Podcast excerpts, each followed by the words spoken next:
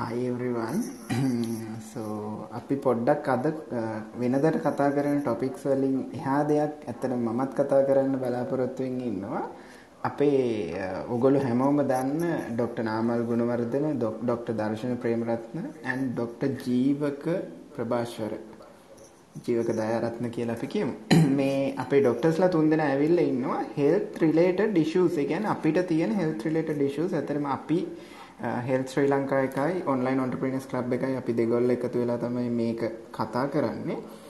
Uh, ඉතින් එතකොට uh, ඔගොල්ලොන්ගේ තියෙන ප්‍රශ්න ටික ගැන උත්තර ප්‍රශ්න වලට උත්තර හොයාගන්න අපි ගාව ඉන්නවා එක්ස්පර්ට් ටීම් එකක්. ඉතින් ඒ එක්ස්පර්ට් ටීම් එකත් එක්ක එකතු වෙලා ඔයගොල්ලෝගේ ප්‍රශ්න වලට උත්තර හොයාගමු කියලා ආරාධනාවත් එක්ක uh, මම ඩොක්ටර් නාමල් ගුණවර්ධනට මයික් එක හෑන්ඩ් ඕවර් කරනවා. ඩොක්ටර් නාමල් හැමෝම ආදරෙන් පිළිගන්නවා හෙල්ස් ශ්‍රී ලංකා ක්ලබ් එකට. ඉතින් අද අපිත් එක්ක එකතු වෙලා ඉන්නවා දර්ශන ඩොක්ටර් දර්ශන ඩොක්ටර් ජීවක ඒ වගේම අපේ හැමෝම දන්න මధుශංක සහ අමිල ඔයාවත් ආදරෙන් පිළිගන්නවා. ඉතින් මේක පටන් ගන්න ප්‍රධානම හේතුවක් තමයි දැන් ඔන්ලයින් එන්ටර්ප්‍රෙනර් ක්ලබ් එකේ ගොඩාක් වෙලාවට මේ කට්ටිය අපිට කතා කරනවා පර්සනල් මැසේජ් කරනවා ගොඩාක් හෙල්ත් ඉෂුස් කතා කරනවා ඉතින් හින්දා අපි හිතුවා දැන් අපිත් ක්ලබ් එකේ ඉන්න හින්දා අපිනුත් ක්ලබ් එකට අපි ක්ලබ් එකෙන් ගොඩක් දේවල් ගන්නවා. ඒ වගේම අපිනුත් ක්ලබ් එකට වටින දෙයක් දෙන්න පුළුවන් කියලා හිතුවා. මේ මේ මේ දවස්වල හැමෝම ඉන්නෝල්ලලා ඉන්න ක්ලබ් හවුස් එක හරහා. ඉතින් මේකෙදි විශේෂයෙන් අපි කතා කරන්නේ විශේෂයෙන් අපි කතා කරනවා මේකෙදි තියෙන්නේ ඔන්ලයින් එන්ටර්ප්‍රෙනර්ස්ලා එහෙම නැත්නම් ඔන්ලයින් වර්කර්ස්ලා මොකක් හරි කම්පියුටර් ස්ක්‍රීන් එකක් එක්ක වැඩ කරන කට්ටියට රිලේටඩ් එයාලටම ස්පෙසිෆික් තියෙන ප්‍රශ්න කීපයක් තියෙනවා මේ ශාරීරික සහ මානසික කියන දෙපැත්තෙම තියෙන ප්‍රශ්න තියෙනවා. ඒවා ගොඩක් වෙලාට කම්පියුටර් රිලේටඩ් මෙඩිකල් ප්‍රොබ්ලම්ස් කියලා වෙනම කැටගරි එකක් එකට වෙනම තියෙනවා. ලංකාවේ නම් මේවා කතා වෙනවා මම හිතන්නේ ගොඩාක් අඩුයි. ඉතින් අපි හිතුවා ඒවත් එක්ක ඔයාලට තියෙන තවත් සෞඛ්‍ය ප්‍රශ්න මොන හරි තියෙනවා නම් අපි ඒවත් කතා කරන්න ප්ලැට්ෆෝම් එකක් හදාගන්න තමයි හෙල්ත් ශ්‍රී ලංකා එක අපි ඕපන් කළේ. ඉතින් මුලින්ම අපි හඳුනලා දෙන්නම් අපි කවුද කියලා සමහර කට්ටිය අපිව දන්නවා ඇති. අපිව නොදන්න කට්ටියත් මේකේ ඇති. ඉතින් මම ඩොක්ටර් නාමල් ගුණවර්ධන. මම ජාතික රෝහලේ වැඩ කරන ඩොක්ටර් කෙනෙක්. ඒ වගේම ඩොක්ටර් දර්ශන ප්‍රේමරත්න. ඒ ජාතික රෝහලේ කොළඹ ඩොක්ටර් කෙනෙක්. ඩොක්ටර් ජීවක නුවර ප්‍රොවින්ෂල් එකේ හෙලෝ මල් ඩොක්ටර් ජීවක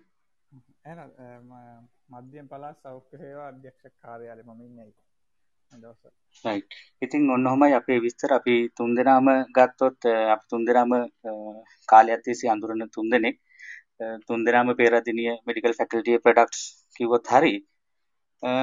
ඉතින් අපි අද සෙෂන් එක පටන් ගමු. මුලින්ම අපි පොඩ්ඩක් කියලා ඉන්නම්. ගොඩාක් අයට තියෙන ප්‍රශ්නයක් තමයි මේ ලංකාවේ කියන්නේ. ලෙඩක් හැදුනොත් මේ මොකද කරන්න කියන එක ගැන අවබෝධයක් සමහර අයට නැහැ. ඒ කියන්නේ මොනවද කරන්න කියලා එකපාරටම නිකන් තේරෙන්න යන ස්වභාවයක් තියෙනවා ගොඩක් අයට. ඉතින් අපි ඒකින්ද අපි එතනින්ම පටන් ගන්නම් මුලින් අපේ පැත්තෙන් අපි ඒ ටික පටන් ගන්නම්. අපි ඊට පස්සේ ඒක ඔයාලගේ තියෙන ප්‍රශ්න වලට අපි එක්ස්ටෙන්ඩ් කරලා අපි දිගටම ඩිස්කෂන් එක කරගෙන යම්.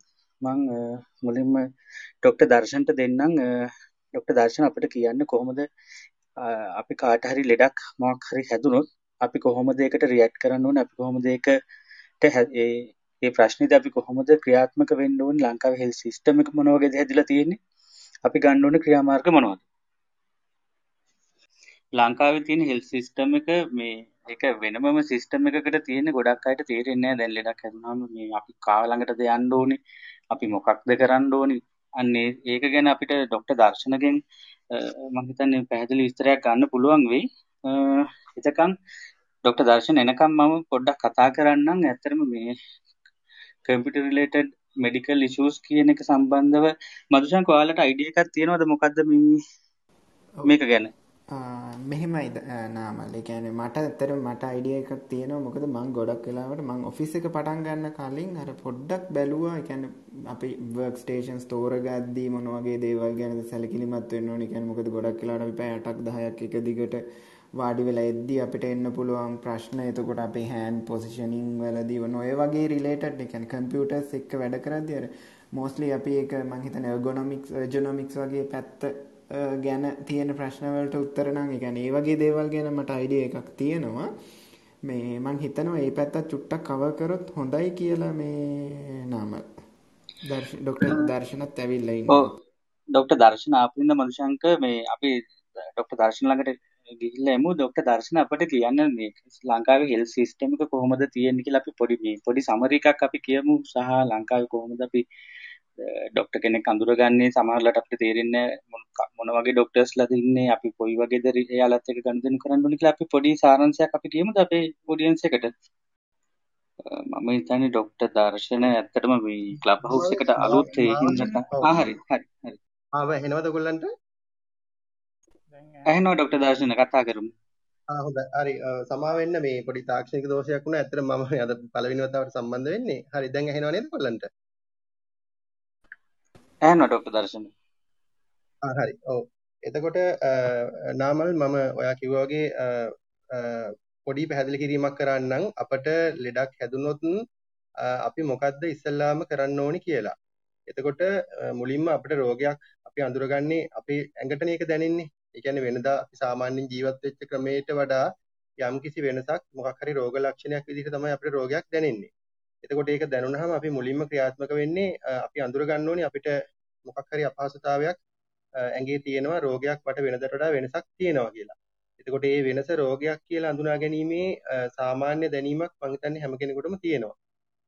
ඊට පස්සේ එතනින් එහාට ක්‍රියාත්මක වෙනකොට අපි දැනගන්න ඕනි දැන් මේකට මොකද කරන්න ඕන කියලා. කලාතුරකින් තමයි රෝග තියෙන්නේ අපේ ඇඟට කිසිම දැනීමක් වෙන්නේ නැතුව කිසිම අන්තුරංගවීමක් නැතුව ඒ රෝගය නිසා අපිට හානියක් වෙන.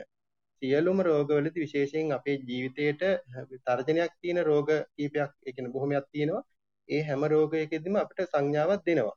ඒ කියන්නේ සතියකට කලින් නැත්තම් දින කීපයකට කලින් නැත්තම් දවසකට කලින් නැත්තම් පැයකට කලින් හරි සංඥාවක් දෙනවා. එතකොට ඒකෙන් අපි අඳුර ගන්න ඕනේ අපිට ලෙඩක් තියෙනවා කියලා. ඊට පස්සේ අපි සාමාන්‍යයෙන් ලංකාවේ තියෙන ක්‍රමය තමයි ඩොක්ටර් කෙනෙකුට අපි ඩොක්ටර් කෙනෙක් හම්බ යන හම්බ වෙන්න යනකොට ලෝකේ රටවල් වල සාමාන්‍ය ක්‍රම දෙකක් තියෙනවා. එතකොට බටහිර රටවල් වල ලෝකයේ දියුණු රටවල් වල ඕස්ට්‍රේලියාව වගේ රටවල් වල තියෙන්නේ GP referral system කියන එක. එතකොට ඒ සමහර රටවල් වල නිදහස් සෞඛ්‍ය සේවය තියෙනවා 100%ක්ම ලංකාවේ වගේ. තවත් සමහර රටවල් වල මේ දෙකේ මිශ්‍රණයක් තියෙනවා. කියන්නේ කොටසක් ගෙවන කොටසක් රජයෙන් සපයන ක්‍රමයක් තියෙනවා. තවත් සමහර රටවල් වල සම්පූර්ණයෙන්ම ඒ රෝගියා දරන්න ඕනි වියදම. එතකොට එතනදී GP referral system කියලා තියෙනවා සාමාන්‍යයෙන් බටහිර රටවල් වල. එතනදී අපිට ඒ රෝගියාට උදාහරණයකට ඕස්ට්‍රේලියාව වගේ රටවල් වල ඒ රෝගියාට මේ කැමති ડોක්ටර් කෙනෙක් ළඟට යන්න බෑ. තමන්ගේ ප්‍රදේශයේ ජෙනරල් ප්‍රැක්ටිෂනර් කෙනෙක් වෙන් කළා තියෙනවා. එතකොට එයාව තමයි මුණ ගැහෙන්න යන්නේ. එයා මුණ ගැහුණාට පස්සේ ඒ ડોක්ටර් තමයි ලෙඩාගේ රෝග ලක්ෂණ බලලා එයා ප්‍රතිකාර කරන්න පුළුවන් රෝගවලට ප්‍රතිකාර කරනවා. එතනින් එහාට විශේෂඥ වෛද්‍යවරයෙකුට හරි වෙනත් රෝහලකට හරි යොමු වෙන්න ඕන නම් නීත්‍යානුකූලවම එයාට තමයි ඒකේ ඔතොරිටි එක අයිතිය තියෙන්නේ. එතකොට ඒ විදිහට තමයි එතනින් එහාට රෝගිය බරපතලකම අනුව රෝගියා අදාළ රෝහල් සහ ප්‍රතිකාර කරා යන්නේ. නමුත් ලංකාවේ තියෙන ක්‍රමේ ඊට වඩා හාත්පසින්ම වෙනස්. අපේ සම්පූර්ණයෙන්ම නිදහස් සෞඛ්‍ය සේවයක් තියෙනවා. රජයෙන් ඕනම ලෙඩේගේ වක්කීම් බාර අරගෙන ප්‍රතිකාර කරනවා. ඒ වගේම ඊට අමතරව අපේ පෞද්ගලික අංශය තියෙනවා. එතකොට මේ පෞද්ගලික අංශය තුල රෝගියෙකුට කැමති වෛද්‍යවරයෙක් ළඟට යන්න සම්පූර්ණ නිදහස තියෙනවා. ඒ වෛද්‍යවරයා සාමාන්‍ය අපි වගේ ජෙනරල් ප්‍රැක්ටිෂනර්ස්ලා වෙන්න පුළුවන්. නැත්නම් විශේෂඥයෙක් වෙන්න පුළුවන්. එතකොට විශේෂඥ වෛද්‍යයෙක් කියුවම අපේ ප්‍රධාන අංශ හතරක් තමයි විශේෂඥ වෛද්‍යවරු ප්‍රධාන අය ඉන්නේ අපේ ශල්‍ය වෛද්‍යවරයා සර්ජන් ඊට පස්සේ ෆිසිෂන් කියලා කියනවා කායික රෝග විශේෂඥ ඊට පස්සේ පීඩියාට්‍රිෂන් ළමා රෝග විශේෂඥ. ඊට පස්සේ ගයිනකොලොජියන් ඔබ්ස්ටිකේන් ප්‍රසවහා නාරවේද විශේෂඥ. ඔය හතර තමයි ප්‍රධාන විශේෂඥ මේ වෛද්‍යවරු ඉන්නේ. ඊට අමතරව සබ් ස්පෙෂලිටිස් කියලා තියෙනවා. ඒ එතකොට දැන් සිය ගණනක් සබ් ස්පෙෂලිටිස් තියෙනවා. ඔයගොල්ලෝ දන්නවා කාඩියොලොජි නියුරොලොජි නියුරෝසර්ජරි ඩර්මටොලොජි චර්ම රෝග එතකොට හන්දි රෝග ඒ වගේ සිය ගණනක් තියෙනවා.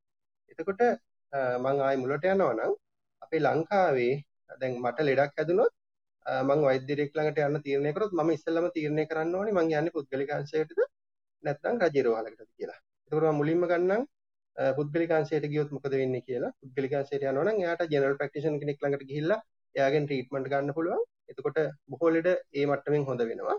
එතකොට හොඳ වුණේ නැත්නම් හරි නැත්නම් ඒ වෙලාවේ එයාගේ ඒ සාමාන්‍ය වෛද්‍යවරයා තීරණය කරොත් තීරණය කරොත් මේ රෝගය එයාගේ ප්‍රතිකාර කියන්නේ ඒ ඒ වෛද්‍යවරයාගේ මට්ටමින් ඉහළට යන්න ඕන එකක් කියලා ඒ වෙලාවෙම මේ වෛද්‍යවරයා විශේෂඥ වෛද්‍යවරයෙක් කරා යොමු කරනවා. එතකොට එයා ප්‍රයිවට් සෙක්ටර් එකට ආපු නිසා එයාගෙන් අහනවා ඔයා ප්‍රයිවට් සෙක්ටර් එකේම විශේෂඥ වෛද්‍යවරයෙකුට පෙන්වන්න කැමතිද? නැත්නම් ඒක අෆෝඩ් කරන්න බැහැ නම් රජයේ රෝහලකට යන්න පුළුවන්ද කියලා. එතකොට ඒ කාරණේ අනුව ප්‍රයිවට් පෙන්වන්න විශේෂඥ වෛද්‍යවරයෙකුට යනවා නම් එයා රිෆරල් එකක් ලියලා දෙනවා.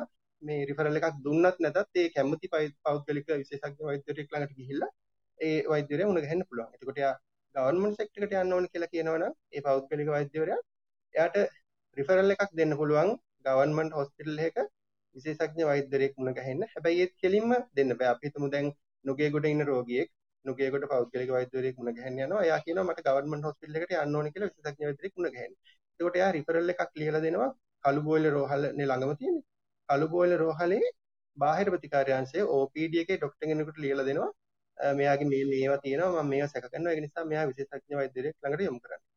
ඊටසේ OPD එකේ ડોක්ටර් තමයි ආයෙත් එයාට රිෆරල් එකක් නිල වශයෙන් ලියලා දීලා රෝහලේ රජයේ රෝහලක සායනයක් පිටු යොමු කරන වෛද්‍යවරයෙක් හම්බ.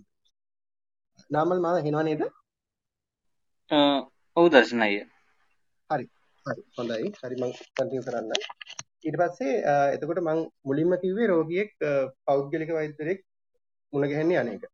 ඊට පස්සේ අපි හිතමු අපිට නිකන් වෛරස් තුනක් ආවා කියලා. ඊට පස්සේ යාට පෞද්ගලික අංශයට යන්න කැමති නැත්නම් හරි ඒකට මුදල් නැත්නම් හරි එයා රජයේ රෝහලකට යනවා. එතකොට රජයේ රෝහලකට එන ඕනෑම රෝගියෙක් මුලින්ම යන්නේ OPD එකට. OPD එකට. අවස්ථා දෙකක් තියෙනවා. ඒක වෙනස් වෙන හදිසි අනතුරු. එතකොට ඒ කියන්නේ අපි හදිසි අනතුරු ඒකක. ඒ වගේම හදිසි ප්‍රතිකාර. අපි ETU කියලා කියන්නේ. ETU වලට සහ ඇක්සිඩන්ට් ඇන්ඩ් ඉමර්ජන්සි ওই දෙකට කෙලින්ම ඉතින් ඒවා ඉමර්ජන්සි නිසා කෙලින්ම පේෂන්ට් කෙනෙකුට ඒවට යන්න පුළුවන්. එතකොට එතන ඒත් OPD එකේ ડોක්ටර් බලලා මේවට යන්න සුදුසුයි නම් ඒවට ඒ ඉමර්ජන්සි ප්‍රතිකාර වලට යවනවා. ඊට අමතරව එසේ නමුත් සියලුම රෝගීන් OPD එකේ ડોක්ටර් ළඟට තමයි යන්නේ. ඒ OPD එකේ ડોක්ටර් බලලා කොටස් තුනක් තියෙනවා මම කිව්වා වගේ. ඒ සාමාන්‍ය වෛරස් තුනක් වගේ නම් ඒ ડોක්ටර් ප්‍රතිකාර කරලා ඉවර වෙලා මේ ගෙදර යවන රෝගියාව. නැත්තම් ඉමර්ජන්සි එකක් නම් එයා ETU එකට හරි ඇක්සිඩන්ට් සර්විස් එකට හරි යවනවා. නැත්තම් විශේෂඥ වෛද්‍යවරයෙක් මුණ ගැහෙන්න ඕන එකක් නම් එයා රිෆරල් එකක් ලියලා දෙනවා. අහවල් දවසේ අහවල් ක්ලිනික් එකට එන්න කියලා. හදිස්සි නැති ලෙඩක් නම්. හතරක් තියෙනවා. හතරවෙනි එක තමයි එයාට පුළුවන් ආයි සාමාන්‍ය වාට්ටුවක නවත්තන්න. වැඩි වැඩිදුර ප්‍රතිකාර සඳහා. එතකොට ඔන්න ඔය විදිහට තමයි අපට ලෙඩක් හැදුනොත් අපි වෛද්‍යවරයෙක් ළඟට ගිහිල්ලා ඒ ඒ රෝගියා එක්කෝ බෙහෙත් අරගෙන ගෙදර එනවා. නැත්නම් ස්පිතාලේ නතර වෙනවා. නැත්නම් ක්ලිනික් එකකට රිෆර් කරනවා. විශේෂඥ වෛද්‍යවරයෙක් හම්බෙන්නේ නැත්නම් ඉමර්ජන්සි ට්‍රීට්මන්ට් යුනිට් එකකට දානවා. එතකොට ඔන්න ක්‍රමයට තමයි අපිට ලෙඩක් හැදුනම අප්‍රතිකාර ගන්න ඕනේ. හරි thank you ડોક્ટર දර්ශන මේ අපි ඊළඟට තියෙන තව ප්‍රශ්නයක් තමයි සාමාන්‍ය මේ අපි මුලින් කතා කරන්නම් අපි සාමාන්‍යයෙන් අඳුනගත්ත ප්‍රශ්න කීපයක් මේ පළවෙනි විනාඩි කීපෙදී. එතකොට ડોක්ටර් ජීවකවාට අපිට කියන්න පුළුවන්ද මේ ලංකාවේ දැන් ලංකාවේ ડોක්ටර්ස්ලා කැටගරි කීපයක් තියෙනවා සහ මේ ලංකාවේ ට්‍රීට්මන්ට් කියන්නේ මොඩැලිටිස් කීපයක් තියෙනවා. ඒ කියන්නේ බටහිර වෛද්‍ය ක්‍රමය තියෙනවා. ඊට පස්සේ යුනානි ආයුර්වේද සිංහල ওই වගේ කෙනෙකුට වෙනස් ආයුර්වේද ක්‍රම වෛද්‍ය විද්‍ය ක්‍රම කීපයක් තියෙනවා. ඒ වගේම ලංකාවේ දැන් හැම කෙනෙක්ටම ඩිග්‍රී එක තියෙන පමණට හැමෝටම ට්‍රීට් කරන්නත් බෑ ලෙඩෙක් බලන්න බෑ. ඒකට සාමාන්‍යයෙන් අපි අපේ තියෙන ප්‍රධාන කියන්නේ අපි සාමාන්‍යයෙන් අහලා තියෙන එකක් තමයි කියන්නේ සෙල්ලම්සිය එක එහමත්න ශ්‍රී ලංක වෛද්‍ය සභාවේ ලියාපදිංචි වෛද්‍යවරු ඉන්නවා. සහ හොරවෙද්දු කියන කට්ටියත් සෑහෙන ලංකාව ඉන්න මං හිතන්නේ රෙජිස්ටර්ඩ් ඩොක්ටර්ස්ලට වඩා ලංකාවේ හොරවෙද්දු රෙජිස්ටර්ඩ් නැති හොරවෙද්දු කියන කට්ටිය සෑහෙන ප්‍රමාණයක් ඉන්නවා. එතකොට තියෙන ඊළඟ ප්‍රධාන ප්‍රශ්නේ තමයි කෙනෙක් කොහොමද මේ තමන් බෙහෙත් ගන්න යන ඩොක්ටර් අඳුරගන්නයා පිළිගත් රෙජිස්ටර් වෙච්ච සුදුසුකම් තියෙන කියන්නේ ක්වොලිෆයිඩ් ඩොක්ටර් කෙනෙක්ද? එහෙම නැත්නම් සුදුසුකම් නැති ව්‍යාජ ඩොක්ටර් කෙනෙක්ද කියලා අඳුරගන්නේ කොහොමද? මදුශංක මයික් එක ෆ්ලෑෂ් කරා මොනවද ඇඩ් කරන්න තියෙනවද? නෑ ජීවක ඇත්තටම මම මේ ක්ලැප් කරේ මේ නාමල්ගේ කතාවට කන්ටිනියු කරමු. මම අහගෙන ඉන්න. හරි. ආව පැහැදිලිව ඇහෙනව නේද? ලවුඩ් පොඩ්ඩක් ඇහෙනවා නම ලැහෙනව මදිද මං හෙඩ්සෙට් එක දාගෙන ඉන්නේ හැබැයි දැන් ක්ලියර් නාමල් හෙනවද දන්නේ? මට නම් කලිනුත් ඇහුණා ඉෂුව එකක් තිබුණේ මං හෙඩ්සෙට් එක දාගෙන හිටියේ. ආ රයිට්. හරි ඇහෙනවද ඩොක්ටර් නාමල් මම මෙහෙම පටන් ගන්නම්. අපි කොහොමද දැන් උසස් පෙළ කරාට පස්සේ එතනින් එහාට වෛද්‍යවරයෙක් බිහි වෙන තැන මම පොඩ්ඩක් පැහැදිලි කරන්නම්. එතකොට ඒක ලේසි වෙයි. දැන් අපි හැමෝම ඉස්කෝලේ ගිහිල්ලා එලවල් කරලා එලවල් අපි ගන්න ලකුණු මට්ටම අනුව අපේ තේරීම අනුව මෙඩිකල් ෆැකල්ටි එකට රැවටෙනවා. මම මේ කියන්නේ ඩොක්ටර් කෙනෙක් බිහි වෙන තැන ඉඳන්. එතකොට පිරිසක් ඉන්නවා උසස් පෙළ ප්‍රතිඵල අනුව තමන්ගේ දිස්ත්‍රික්කයේ රිසල්ට් එක අනුව හෝ හොඳ රෑන්ක් එකක් දාලා දෙනවා නම් අයිටන් රෑන්ක් එක අනුව මෙඩිකල් ෆැකල්ටි වලට තේරෙනවා ලංකාවේ තියෙන රජයේ විශ්වවිද්‍යාලවල. එතකොට ඒගොල්ලෝ අවුරුදු 5ක අධ්‍යාපනයෙන් පස්සේ ෆයිනල් තියෙන එක්සෑම් එකක් ෆයිනල් MBBS එක්සෑම් කියලා. මේ එක්සෑම් එක කරපුවාම ඒක තමයි ලංකාවේ මේ මෙඩිකල් ෆැකල්ටි එක ඉගෙන ගන්න ලංකාවේ වෛද්‍ය විද්‍යාලයක ඉගෙන ගන්න ළමයෙකුට ලංකාවේ වෛද්‍ය සහ සහතිකය ලබා දෙන විභාගය. එහෙම නැත්නම් ලයිසන්සින් එක්සෑම් එක. එතකොට ඒක ඒක පාස් වුණාම මෙයා ලංකාවේ වෛද්‍යවරයෙක් විදියට ලියාපදිංචි වෙනවා. ඊට පස්සේ වෛද්‍යවරයෙක් විදියට ප්‍රතිකාර කරන්න SLMC රෙජිස්ට්‍රේෂන් එක ගන්න කලින් එයාට තියෙනවා අවුරුද්දක සීමා වාසික පුහුණුවක්. ඒ සීමා වාසික පුහුණුව අවුරුද්දක පැය 24ම ඔන් කෝල් තියෙන අවුරුද්දක් තියෙන මේ අවුරුද්දේ ස්පිරිතාලයක 24/7 වැඩ කරපුවාම තමයි යාගේ සීමා වාසික පුහුණුව ඉවර වෙන්නේ. එතනින් පස්සේ තමයි යාට SLMC එකේ ෆුල් රෙජිස්ට්‍රේෂන් එක හම්බෙන්නේ ලංකාවේ බෙහෙතක් ලියන්න පුළුවන් වෛද්‍යවරයෙක් විදියට සුදුසුකම් ලබන්නේ. එහෙම තව කොටසක් ඉන්නවා ලංකාවෙන් ඒ විදිහට ඩිග්‍රී අරගෙන SL ඒ කියන්නේ ඉන්ටර්න්ෂිප් එක හොස්පිටල් එකක අවුරුද්දක් අපි අර කියන සීමාවාසික පුහුණුව ලබන්නේ නැතුව ඉන්නයි. ඒගොල්ලෝ ඇත්තටම කිව්වොත් මේ ප්‍රෙස්ක්‍රිප්ෂන් එකක් ලියන්න සුදුසුකමක් ලබන්නේ නැහැ. මොකද ඒගොල්ලෝ ඒ රෝගීන් සත්කාරයට යොමු වෙන්නේ නැහැ. නමුත් යුනිවර්සිටි වලට ජොයින් වෙලා ලෙක්චරර් කෙනෙක් විදිහට වගේ වැඩ කරන සුදුසුකම තියෙන SLMC එකේ ෆුල් රෙජිස්ට්‍රේෂන් එක ඒගොල්ලන්ට හම්බෙන්නේ නැහැ. තව කොටසක් ඉන්නවා උසස් පෙළ ලියලා උසස් පෙළ ප්‍රතිඵල ලංකා විශ්වවිද්‍යාලයකට මදි වුණොත් තමාගේ ආර්ථික මට්ටම අනුව පිට රටකට ගිහිල්ලා ඩිග්‍රියක් කරගෙන එනවා. එතකොට ඒගොල්ලොත් ඩිග්‍රිය කරගෙන මෙහි ලංකාවට ආවට පස්සේ පමණින්ම වෛද්‍යවරයෙක් විදිහට පිළිගන්නේ නැහැ. ලංකාවේ වෛද්‍ය සභාවේ පිළිගත්ත විශ්වවිද්‍යාලයකින් ඒක කරලා තියෙනත් ඕන. මොකද සමහර විශ්වවිද්‍යාල තියෙන පිට රටවල් වල ලංකාවේ පිළිගන්නේ නැහැ ඩිග්‍රී කරා. ඒතකොට පිළිගත් විශ්වවිද්‍යාලයකින් කරලා ඇවිල්ලා ලංකාවේ ඒගොල්ලොන්ට තියෙන X16 කියලා විභාගයක්. මේ විභාගය කරාට පස්සේ තමයි ඒකෙන් සමත් වුණාට පස්සේ තමයි ඒගොල්ලොන්ට ලංකාවේ සීමා වාසික පුහුණුව ලබා දෙන්නේ. ඒ පුහුණුවත් ඉවරුණාට පස්සේ තමයි එයා ලංකාවේ පිළිගත් වෛද්‍යවරයෙක් විදිහට වැඩ කරන්න පුළුවන් වෙන්නේ. එතකොට එහෙම මුලින්ම වෛද්‍යවරයෙක් ලබන පත්වීම තමයි අපි අර සීමාවාසික පත්වීම කියන්නේ මේගොල්ලන්ට අපි සාමාන්‍යයෙන් හවුස් ඔෆිස් කියලා කියනවා. එතකොට ඔයගොල්ලෝ ස්පිරිතාලට ගියපම ඔය වාර්ඩ්වේ නිතරම ඉන්න ડોක්ටර් තමයි හවුස් ඔෆිස් කියන්නේ. එතකොට හවුස් එතනින් පස්සේ ඒ ડોක්ටර් ඒ අවුරුදු ඉවරනාට පස්සේ එයා මෙඩිකල් ඔෆිසර් කියන තනතුරට එනවා. ඒ කියන්නේ ඒ අවුරුද්ද ඉවර වුණාට පස්සේ. එතකොට තව වෛද්‍යවරු කණ්ඩායමක් ඉන්නවා. ওই මෙඩිකල් ඔෆිසර්ස්ලා අපි මොන හරි පශ්චාත් උපාධියක් ලබා ගන්න ඕන නම් එක්සෑම් එකක් කරපුවාම ඒගොල්ලෝ එක්සෑම් එකේ පළවෙනි ස්ටෙප් එක පාස් වුණාම අපි කියන රෙජිස්ට්‍රාර්ලා කියලා දැන් ඔය. අපි ડોක්ටර් නාමල් ඉන්නේ විකිරණ වේද සම්බන්ධයේ රෙජිස්ට්‍රාර් කෙනෙක් කියලා. දැන් ඒතකොට ඒ පළවෙනි විභාගේ පාස් වුණාම ඒ විභාගෙම දෙවෙනි කොටස අන්තිම කොටස පාස් වුණාම මේගොල්ලෝ සීනියර් රෙජිස්ට්‍රාර් කියන තනතුරටපත් වෙනවා. ඒතර ඔය ඔය තුන්ගොල්ලම ඉන්නවා වාට් වල අපි සමහරට ඕගොල්ලෝ නඳුර ගන්න අමාරුයි කවුද මෙයා කවුද මෙයා කියලා. එතකොට ඒ සීනියර් රෙජිස්ට්‍රාර් විභාගේ පාස් ඒ විභාගේ පාස් වුණාට පස්සේ අවුරුද්දක් විතර අවුරුද්ද හෝ දෙකක කාලයකට පස්සේ එයා විශේෂඥ වෛද්‍යවරයෙක් බවට පත් වෙනවා. ඒ පත් වෙන වෛද්‍යවරු සාමාන්‍ය හැමෝම වගේ පිට රටක අවුරුද්දක නැත්නම් අවුරුදු දෙකක පුහුණුවකට ගිහිල්ලා ඇවිල්ලා තමයි ලංකාවේ පිළිගත් විශේෂඥ වෛද්‍යවරයෙක් ඉන්නේ. එතකොට ඒගොල්ලෝ තමයි ඉන්න වෛද්‍යවරු ලංකාවේ. ඔයිට අමතරව ඉන්නවා ඉස්සර වෛද්‍යවරුන්ගේ ලංකාවේ ලොකු හිගයක් තිබ්බ නිසා රෙජිස්ටර්ඩ් මෙඩිකල් ඔෆිසර්ස් කියලා RMO ලා කියලා අපි කියනවා. ඒගොල්ලෝ මෙඩිකල් ෆැකල්ටි වලට උසස් පෙළින් ඇවිල්ලා ආපු අය නෙමෙයි.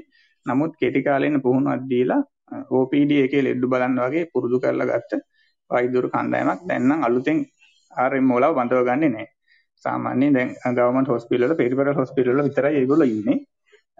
ඉතින් ඔය කාණ්ඩේ ඔය ඔය වගේ කාණ්ඩේ තමයි ඉන්නේ. ඔය ඔක්කොටම වඩා ගොඩක් ලංකාවේ ඉන්නවා හොර වෛද්‍යවරු. ඒ කියන්නේ එක්කෝ මොනවත්ම දන්නේ. ඒ කියන්නේ මෙඩිකල් ෆැකල්ටි එකට ගියපු නැති අය ડોක්ටර්ස් ළඟ වැඩ කරලා හරි බෙහෙත් කවලම් කරලා ඉගෙන ගත්ත අය. එහෙම නැත්නම් සමහර පිළි නොගත්ත විශ්වවිද්‍යාල වලින් උපාධියක් කරලා ඇවිල්ලා ලංකාවේ ඩිග්‍රිය පිළිගත්තේ නැති නිසා එහෙම නැත්නම් වෛද්‍ය සභාවෙන් පිළිගන්නේ නැති නිසා ડોක්ටර් කෙනෙක් විදිහට වැඩ කරගන්න ඔෆිෂියලි බැරිව නමුත් හොරෙන් වැඩ කරන පිරිසකුත් තියෙනවා.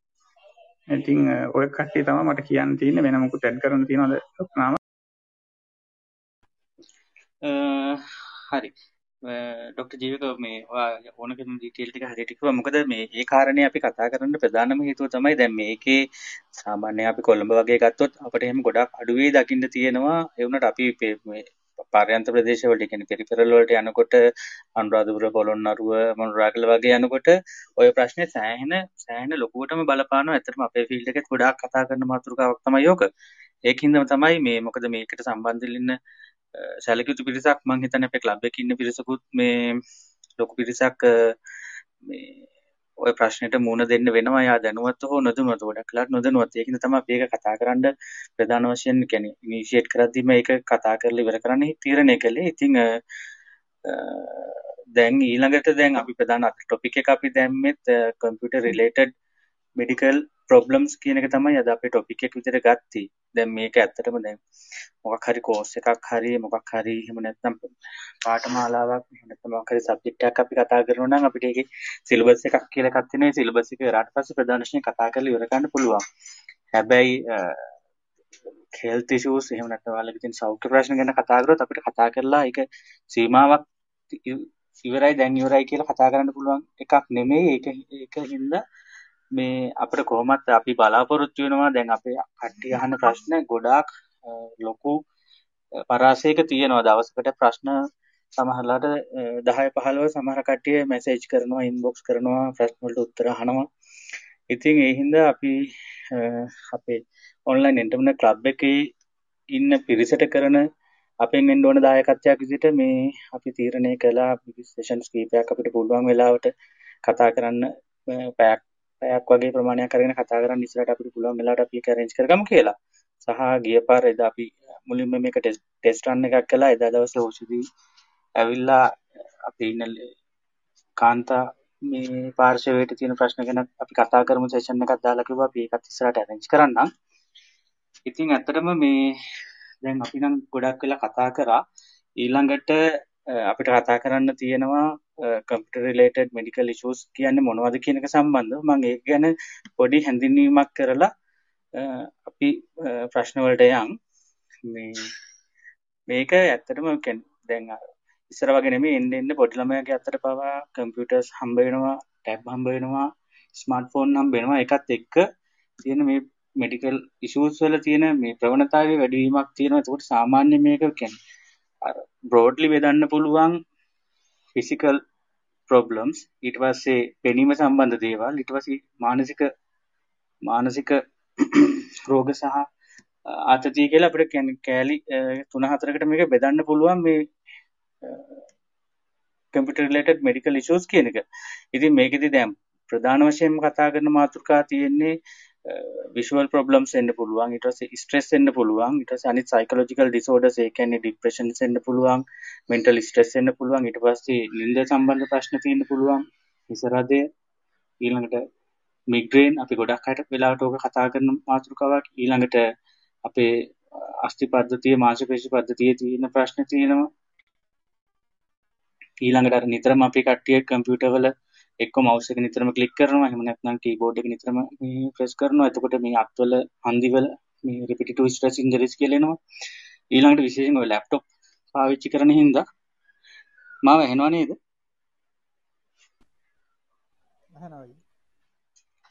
හරි. ලැප්ටොප් පාවිච්චි කරන කට්ටියට ඒක ඒක වෙනම සබ් කැටගරි එකක් විදිහටත් අරගෙන තියෙනවා. සමහරවිට ලැප්ටොප් යස් ඉන්ජරිස් කියලා වෙනම සබ් කැටගරි එකක් හදලා තියෙනවා. ඒ කියන්නේ ඒ තරම් මේ මේ මේ ෆීල්ඩ් එක සෑහෙන කියන්නේ අධ්‍යයනය කරන්න සහ ප්‍රශ්න ගොඩක් තියෙන ෆීල්ඩ් එකක් මේක. ඊළඟට uh, නිව්ට්‍රිෂන් සම්බන්ධ කියන්නේ පෝෂණය සම්බන්ධ ප්‍රශ්න තියෙනවා. ඒක පෝෂණය වැඩි වෙලා එනවා අඩු වෙලත් එනවා. ඊළඟට මේක මේකේ තියෙන කට්ටියගේ අර ලයිෆ් ස්ටයිල් එක ගොඩක් වෙලාවට එක්ක කම්පියුටර් එකක් ඉස්සරහා වාඩි වෙලා ඉන්නේ. මූමන්ට්ස් ගොඩක් අඩුයි එක්සර්සයිස් ගොඩක් අඩුයි. එතකොට බෝන ඕන රෝගවල ප්‍රවණතාවය ගොඩක් වැඩි වෙලා තියෙනවා. ඊළඟට වෙලාවට කන්නේ නෑ වගේම වතුර බොන්නේමත් නෑ. ඒකට ඒකට විජලනයේ සම්බන්ධ ප්‍රශ්න තියෙනවා.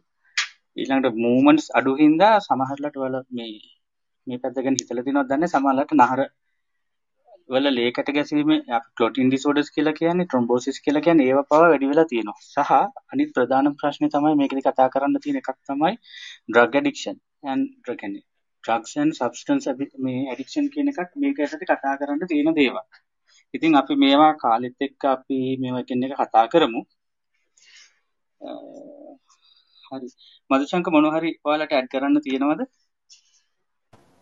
නෑ ඩොක්ටර් නාමල්. මේ මටත් අර අර ප්‍රශ්නේ තමයි අහන්න උනේ ඔය බ්ලඩ් ක්ලොටින් සීන් එක මම දැන් දෙතුන් පාරක් මට මේ ස්ක්‍රීන් ෂොට්ස් ඇවිල්ලා තිබුණා. මේ කීප දෙනෙක්ගේ WhatsApp එකේ එහෙම ස්ක්‍රීන් ටයිම් වැඩි වෙලා මෙන්න මෙහෙම ඉෂුව එකක් තියෙනවා කියලා. මේ ඒකත් චුට්ටක් මේ කව කරනවා නම් හොඳයි. අතර මේකේ මේ සත්‍ය සත්‍යතාවයත් මම දන්නේ ඒ පැත්ත මම නාමල් මෙන්ෂන් කරා.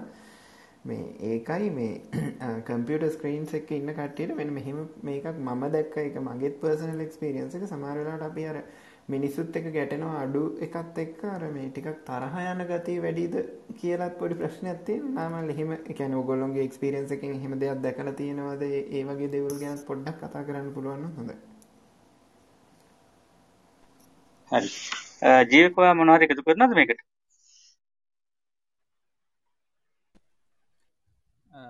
ඔව් ගොඩක් කලාට ඒ ඉෂුව එක එනවා ඇත්තටම අපි මෙතනදි සෝෂල් වෙන කාරණයටත් වඩා ඇහෙනවද මාව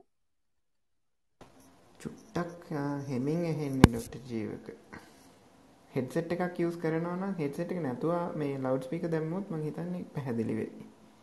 දැන් ඇහෙනවද? දැන් ඇහෙනවා පැහැදිලිව. දැක් කරපු ස්ටඩීස් වලදී මට හම්බෙච්ච දෙයක් තමයි ගොඩක්ම IT රිලේටඩ් කට්ටියගේ මෙතන අයිසොලේෂන් වෙන එකත් එක හේතුවක් සහ ඒ තියෙන වර්ක් ස්ට්‍රෙස් එකක් එක්ක ડિප්‍රෙෂන් කියන තත්ත්වයට යන්න තියෙන chance එක වැඩි. අපිට සමහර වෙලාවට ડિප්‍රෙෂන් කියන එක අපි හිතන්නේ අර සුයිසයිඩ් කරගන්න ලෙවල් එක තමයි අපිට ඉස්සරහම පික්චර් එකට එන්නේ. නමුත් ඒකට කලින් සත්තුනි කියලා කියන්නේ අපිට නොදැනෙන කාටවත් එළියට නොදැනෙන ලෙවල් එකේ ડિප්‍රෙෂන් එකක් අපි කියන ස්ටේජ් 1 එකට ගියපුවාම ওই තරහ යන තත්ත්වයටපත් වෙනවා. මොකද ඒකට ගොඩක් පළවෙනි හේතුව තමයි අපි IT related jobs වල ඉන්න අයගේ stress එක. අපේ ටාගට් achieve කරන්න තියෙනවා, deadlines තියෙනවා, customer satis කරන්න ඕන. ඒ ඒවත් එක්ක එන related stress එක. ඒක නිසා තමයි ගොඩක්ම මට හම්බෙලා තියෙන්නේ ඔය ડિප්‍රෙෂන් එකේ early stage එකට ගිහිල්ලා එතනින් තරහ යන තරහ යන වැඩියකට එන එක. ඒක කොමන් ගොඩක් කොමන් ප්‍රශ්නයක්. රුක නාමල් තම තැන් කරන්න තියෙනවා. ඕජයකම ලේකෙදි දැංගෝක අපි බෙදනවා දැංගෝක ස්ට්‍රෙස් කියනක බෙදනවා කෙනෙ ස්ට්‍රෙස්වලට හේතු තියෙනවන ඒ ස්ට්‍රෙස්වලට තියෙන හේතු අපි බෙදනවා අපට වෙනස් කරන්න පුළුවන් සාධක සහ වෙනස් කරන්න බැරි සාධක කියලා එක උදාහනයක්තට ගත්තොත් වෙනස් කරන්න බැරි සාධක විදිට ගත්තහම ගොඩක් කලාවට එනවා දැන් අපේ ගෙන එකක් අපි ස්ත්‍රී පුරුෂ භාවය නිට සපේ වයස ඒ වගේවා වෙනස් කරන්න පුළුවන් සාධක විදිට එන්නේ මොකක් හරි ඒ කියන්නේ දැන් අපිට අලුත් ජොබ් එකක් කරන්න වෙනවා එහෙම නැත්නම් අලුත් ස්කිල් එකක් ඉගෙන ගන්න වෙනවා. එහෙම නැත්නම් ඔයා කිව්වා වගේ වැඩ වැඩි වෙනවා. ඊට පස්සේ එහෙම නැත්නම් අපි සාමාන්‍යයෙන් පුරුදුලා ඉන්න රූටින් එක වෙනස් කරනවා. ඒ කියන්නේ හිතන්නකෝ උදේ වැඩට ගිහිල්ලා හවස ගෙදර එන කෙනෙක් නම් එහෙම උදේ වැඩ උදේ වැඩ කරලා රැට නිදා ගන්න කෙනෙක් නම් ඕක මාරු වෙනවා. අන්න ඒ වගේ. ඊට පස්සේ එහෙම නැත්නම් හදිස්සියේ මොකක් හරි වර්ක්ලෝඩ් මොකක් හරි අලුත් වැඩක් දෙනවා මේක ඩෙඩ්ලයින් එකක් දීලා මේක ඉක්මනට කරලා දෙන්න කියලා. අන්න ඒ වගේ වෙලාවට ඒවා මේ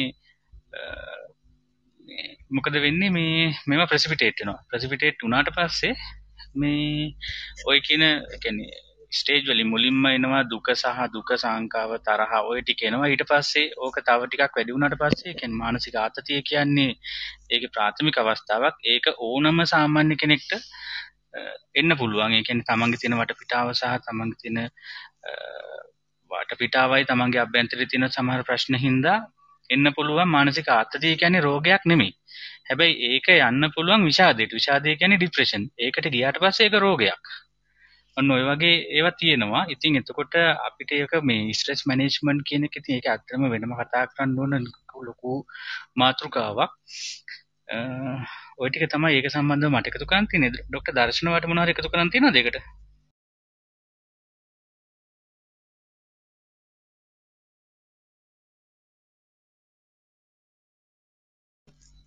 හරි දර්ශනයගේ මොකක් හරි ටෙක්නිකල් ඉෂුව එකක් තියෙනවා වගේ. චරිත් ඔයත් පිළිගන්නවා. ඉතින් මේ වාට මොනවද එකතු කරන්න තියෙනවද මේකට? හලෝ මා ඇහෙනවද? ඔව් චරිත් ඇහෙනවා.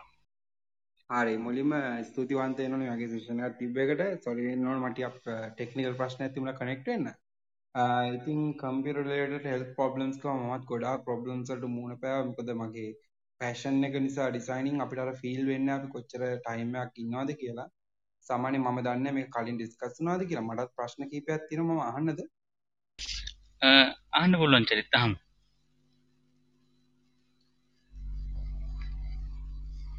හලෝ අහන්න චරිත ඇහෙනවා. ඔව් දැන් සාමාන්‍යයෙන් මම කම්පියුටර් එකක් ඉස්සරහා සාමාන්‍යයෙන් පැය අඩුම දවසකට පැය 8ක් 12ක් අතර මම අනිවාර්යයෙන්ම කම්පියුටර් ඉස්සරහා ඉන්නවා. ඊට වැඩියත් ඉන්න මෝස්ට්ලි පැය 14 ඉන්න අවස්ථාවලුත් තියෙනවා. සමහර දවස්වල පැය 18 වෙනකනුත් ඔය ඔය අවස්ථාව වැඩි වෙනවා වැඩ වැඩි වුණාම එහෙම. දැන් ඔය වගේ තත්ත්වයක් යටතේ කොහොමද අපි ඒක මැනේජ් කරගන්නේ? කියන්නේ ඉතින් අය කම්පියුටරෙන් අයින් අයින් වෙලා අපිට වැඩ කරන්න බෑනේ. ඉතින් එතකොට කොහොමද ඒක මැනේජ් කරන්නේ? කියන්නේ දැන් මගේ අයිඩියා එක පුළුවන් තරම් මේ කාලෙදී වැඩ කරලා තව ටික දවසකින් ඕක සම්පූර්ණයෙන්ම නවත්තන්න. ඒ වගේ අප්‍රෝච් එකකට යනකොට අපි කොහොමද ඒක හරියට මැනේජ් කරගන්නේ? කම්පියුටර් ඉස්සරහා ඉන්න එකයි මොන වගේ ටෙක්නික්ස් අපිට යූස් කරන්න පුළුවන් අපේ හෙල්ත් එක මෙන්ටල් හෙල්ත් එක වගේම අපේ ඇස් ඒ වගේ දේවල් පරිස්සම් කරගන්න.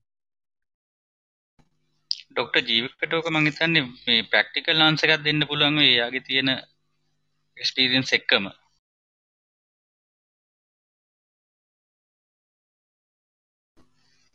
ජීවක මල්ලි අපි මං හිතන්නේ නාමල්ලයි අපි ඉස්සර සෙෂන් එක අපි වෙනම දවසක් වගේ ඇරේන්ජ් කරගන්න ඕන ටොපික් එකක්. ඕක නේද අපි කතා කරන්න ඕනේ ඒක මම දැන් අපි ස්ටාර්ටින් සෙෂන් එකේ මගේ පර්සනල් එක්ස්පීරියන්ස් එකක් මම ෂෙයා කරගන්නම්. ඒකල අපි ඔක පැහැදිලි කරලා අපි දීර්ඝ වශයෙන් කතා කරගමු. කොහොමද අපි මේකට ට්‍රීට්මන්ට් එකකට යන්නේ කියලා. මමත් ඩිසයින් වලට ග්‍රැෆික්ස් වලට පැෂන් එකක් තියෙන කෙනෙක්. එතකොට මෙඩිකල් ෆැකල්ටියෙන් අවුට් වෙලා ඉන්න කාලේ ෆ්‍රීලාන්සින් වැඩ පටන් ගත්තා ෆයිබර් එකේ. එහෙන් පටන් අරගෙන 2014 වගේ ඉඳන් මේ වෙනකල්ම මෑතක් වෙනකල්ම කරගෙන ආවා. එතකොට ඒ කරගෙන එනකොට කම්පියුටර් එකත් එක්ක ඉන්නකොට මට ආව ප්‍රශ්නයක් තමයි දැන් මම මේ කතා කරන්නේ වෛද්‍ය විද්‍යාව ගැන හොඳ දැනුමක් තියෙන කෙනෙක් වෙලත් අපි ඒ වගේ පැත්තට යොමු වෙන්න පුළුවන්. මම ගොඩක්ම කරේ ෆයිබර් නිසා ඒකේ අපිට දෙන ඩෙඩ්ලයින් එක අපේ තියෙන ටාගට්ස් එක්ක ෆුල් අපේ හරි නිකන් අපේ ෆුල් ඇටෙන්ෂන් එක ඒකට යොමු වෙනවා. එතකොට ඇත්තටම හෙල්ත් එක ගැන අපිට අමතක වෙලා මට වුණ දේ තමයි ගොඩක් වෙලාවට අපි දැන් ওই චරිතුත් වැඩ කරනවා ඉන්න ඩිසයින් අපි කරනකොට අපි කන්න බොන්නවා සමහරට වෙලාවක් නැහැ. එතකොට කෑම ගැන අපි සැලකිලිමත් වෙනවා අඩුයි. මොකද්ද අපිට ලේසියෙන් කන්න පුළුවන් එක්ක වැඩ කරන ගමන් කන්න පුළුවන් දෙයක් තියෙනවනම් ඕවා කකා තමයි වැඩ කරන්නේ. මමත් ඒ පැත්තට තමයි යොමු වුනේ. එක්ක ටක් ගාලා ගිහලා කොත්තුවක් අරගෙන ඇවිල්ලා කනවා. එහෙම නැත්නම් බිස්කට් කනවා. ඔහොම කාලා කෑම හන්දා අන්තිමේටම ලෙඩෙක් වුණා. ලෙඩ වුණා කියලා දැනගත්තේ මොකුත් රෝග ලක්ෂණයක් තිබුණ නැතත් මට නිකන් පොඩ්ඩක් නිකන් බඩේ නිකන් කැක්කුමක් එන නිසා මම ඒ දැනුමක් තියෙන හින්දා මම ගිහිල්ලා චෙක් කරපුවහම ආත්මාවේ කොලෙස්ටරෝල් ප්‍රමාණය වැඩි.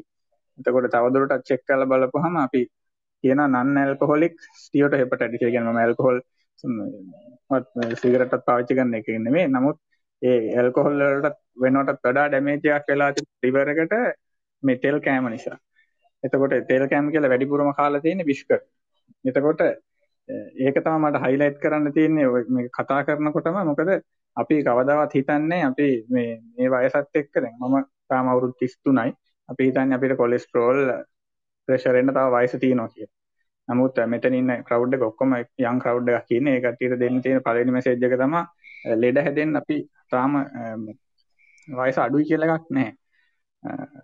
ඉක්මනටම ලෙඩ වලට ගොදුරු වෙලා සමහරට අපි දන්නෙත් නැති වෙන පුළුවන්. දැන් ડોක්ටර් දර්ශන ඉස්සෙල්ලා කිව්වා ගොඩක් රෝගවල රෝග ලක්ෂණ මතුවෙනවා කියලා. අවාසනාවකට වගේ සමහර ගොඩාක් දරුණු ලෙඩ තියෙනවා අපිට රෝග ලක්ෂණ මතුවෙන්නේ පස්සේ. දියවැඩියාවත් ඒ වගේ දියවැඩියාවේ අපිට රෝග ලක්ෂණ මතුවෙනකොට ඊට වඩා සෑහෙන කාලයක් ලෙඩේ තිබිලා. කොලෙස්ටරෝල් විශේෂයෙන්ම දැන් දැන් තියෙන තත්ත්වයම දැන් මම කොලෙස්ටරෝල් තියෙනවා ඔකට හිතන ඇති මහත ඇති කියලා එහෙමත් නැහැ. සාමාන්‍ය හුලඟට පාගලා යන සයිස් එකට ඉන්නේ. නමුත් කොලෙස්ටරෝල් ප්‍රමාණය වැඩි 300 ගානට වැඩි වෙලා තිබුණා. එතකොට ඒ ඒ ඒක වෙලා තිබුණේ කෑම වල තියෙන වැරදි තෝරා ගැනීම නිසා. ඒක නිසා මම ඔකට දැන් අහගෙන ටිප් එකක් විදිහට දෙන්නම්. ගොඩක් වෙලාවට අපි ඩිසයින් වල කම්පියුටර් එකත් එක්ක ඉන්නකොට අපි ස්නැක්ස් වලට පුරුදු වෙනවා. එතකොට ඒ ස්නැක් වලින් තමයි අපිට ගොඩාක්ම මේ අහිතකර දේවල් ළඟට එන්නේ. වැඩිපුර තෙල් ප්‍රමාණය. අපි ගොඩාක්ම කන්න පුරුදු වෙලා තියෙන බිස්කට් එහෙම නැත්නම් ටක් ගාලා ගන්න පුළුවන් බයිට් වර්ගයක් වගේ දේවල්. මේ වගේ වෙන්නේ ඒගොල්ලෝ පාම් පිටි සහ තෙලුයි මිශ්‍ර කරලා අධික උෂ්ණත්වයට රත් කරනවා. ඒ රත් කරපුවාම මේ තියෙන තෙල් ඔක්කොම සැචුරේටඩ් ෆැට් කියලා අපි කියන සැචුරේටඩ් ෆැට් වෙනවා ඒ රත් කරන එකත් එක්කම. සැචුරේටඩ් ෆැට් කියන්නේ අපි සරලව පැහැදිලි කරොත් කොලෙස්ටරෝල්. එතකොට බිස්කට් වල බයිට් වල අධික ලෙස කොලෙස්ටරෝල් ප්‍රමාණයක් තියෙනවා. මේවා ගත්ත ගමන් ඕගොල්ලෝ සමහර ඇඟ මහත් වුන් නැතත් වාගේ බ්ලඩ් වල කොලෙස්ටරෝල් වැඩි වෙලා ලේන හරවල කොලෙස්ටරෝල් බැඳලා රෝගියෙක් වෙන්න පුළුවන්. එතකොට මේකට ඔප්ෂන් එක විදිහට මම භාවිතා කරේ අපි දීර්ඝ වශයෙන් මේක කතා කරමු මම මේකට සොලියුෂන් එක විදිහට පාවිච්චි කරේ නෑ අපිට එහෙමයි කියලා දැන් කන්න නැතු ඉන්නත් බෑ. මේ ඩිසයින් ජොබ් එක අතේ ග්‍රැෆික් IT රිලේටඩ් ජොබ් එක අතාරින්නත් බෑ. ඒක නිසා මම හෙල්දි ඕල්ටර්නේටිව් එකකට ගියා. මම කරේ කජු වර්ග රට කජු කඩල කැෂු ඒ වගේ ඒ ඔප්ෂන් එකකට ගියා. හෙල්දි ස්නැක් එකක්. ඒවා තෙලෙන් බෙදලා ගන්න නැතුව අවන් කරලා ගන්න ඒවා. ඒවා අරගෙන ලොකු බෝතලයකට මිශ්‍ර කරලා හදාගෙන මේසුඩ තියාගෙන ඒවා කකා වැඩ කරන්න පටන් ගත්තා. ඒ වගේ තියෙන ෆැට් අපි 100 හෙල්දි. ඒක නිසා ඇත්තටම බෙහෙත් පාවිච්චි අවම වෙලා සාමාන්‍ය මට්ටමට කොලෙස්ටරෝල් ප්‍රමාණය අඩු කරගන්න පුළුවන් වුණා. මම හිතන්නේ නාමලේ අපි දීර්ඝ වශයෙන් පස්සේ කතා කරමු මම එක්ස්පීරියන්ස් එකක් තමයි ෂෙයා කරගන්න ඒක කිව්වේ. හෙලෝ හෙලෝ ඔව් අමිල ආ හලෝ මේ මම චුට්ටක් වෙලා අහගෙන හිටියා. මේ බොහොම ස්තුතියි මේ වගේ ප්‍රෝග්‍රෑම් එකක් ඇරේන්ජ් කරාට. ඉතින් මේ මට තිබ්බ පොඩි එක්ස්පීරියන්ස් එකක් ෂෙයා කරගන්නම්. මේ මම ඇත්තටම 2012 වගේ තමයි මේ ෆ්‍රීලාන්සින් පැත්තට ආවේ. ඉතින් 2016 වගේ ඉඳලා ඒ කියන්නේ මට මුල්ම කාලේ මේ ලොකු දේවල් තිබ්බේ නැහැ. ඉතින් එතකොට මේ මම ඇත්තටම මේ මට ඔය වැඩ කරගෙන එක දිගට වැඩ කර කර ඉද්දි මේ කොන්දේ අමාරුවක් ආවා. ඒ කියන්නේ ඒ කොන්දේ අමාරුව ආවට පස්සේ සාමාන්‍යයෙන් කෙලින් වෙන්නත් බෑ ඉඳ ගන්නත් බෑ. ඉතින් ඉඳගෙන හිටියොත් එහෙම ඉඳගෙනම ඉන්න ඕනේ. ඊට පස්සේ මම ඒකට බෙහෙත් ගත්තා. ඊට පස්සේ තව ප්‍රොබ්ලම් එකක් ආවා ડોක්ටර් මම ඒ කියන්නේ වැඩ කර කර ඉතින් මට මේ ඇස් වලින් කඳුළු එනවා. ඒ කියන්නේ මේ නිතරම එක එක දිගට බලාගෙනම ඉද්දි මේ මොන්ටර් එක ගා මොන්ටර් එක ගාවිද්දි මේ කඳුළු එනවා. ඊට පස්සේ මම මොන්ටර් එක මාරු කරලා ඒ කියන්නේ පස්සේ පස්සේ මම ඒවට සොලියුෂන්ස් ගත්තා. හැබැයි මං හිතන්නේ අර මුලින්ම එන කෙනෙක්ට කොහොමද මේ වලින් ඒ කියන්නේ අපි හිතන්නේ ડોක්ටර් කෙනෙක් ඒ කියන්නේ දැන් ඒකට සොලියුෂන් එක කිව්වේ ආ මොන්ටර් මං අර ලොකු මොන්ටර් එකක් තිබ්බේ මං ගාව. ඉතින් ඒ වගේ ඔප්ෂන්ස් වලට සමහර කට්ටියට යන්න බැරි වෙයි. මං හිතන්නේ මේ අලුතෙන් වෙන කට්ටියට. ඉතින් පොඩ්ඩක් ඒක ගැන චුට්ටක් කතා කරොත් කොහොමද මේ මේ මේ ප්‍රොබ්ලම්ස් මේව කරගන්නේ? මොකද මං අර පුටුවක් උනත් මං ගාව අර නෝමල්ම පුටුවක් ඇත්තටම දැන් තමයි මේ හොඳ පුටුවක් අරගෙන ඒතකොට අර මුලින්ම එන කෙනෙක්ට කොහොමද ඒක අවොයිඩ් කරගන්නේ? ඒක මේ ස්කිප් කරගන්නේ කොහොමද කියලා චුට්ටක් මම හිතනවා කතා කරොත් හොඳයි කියලා. බොහොම ස්තුතියි.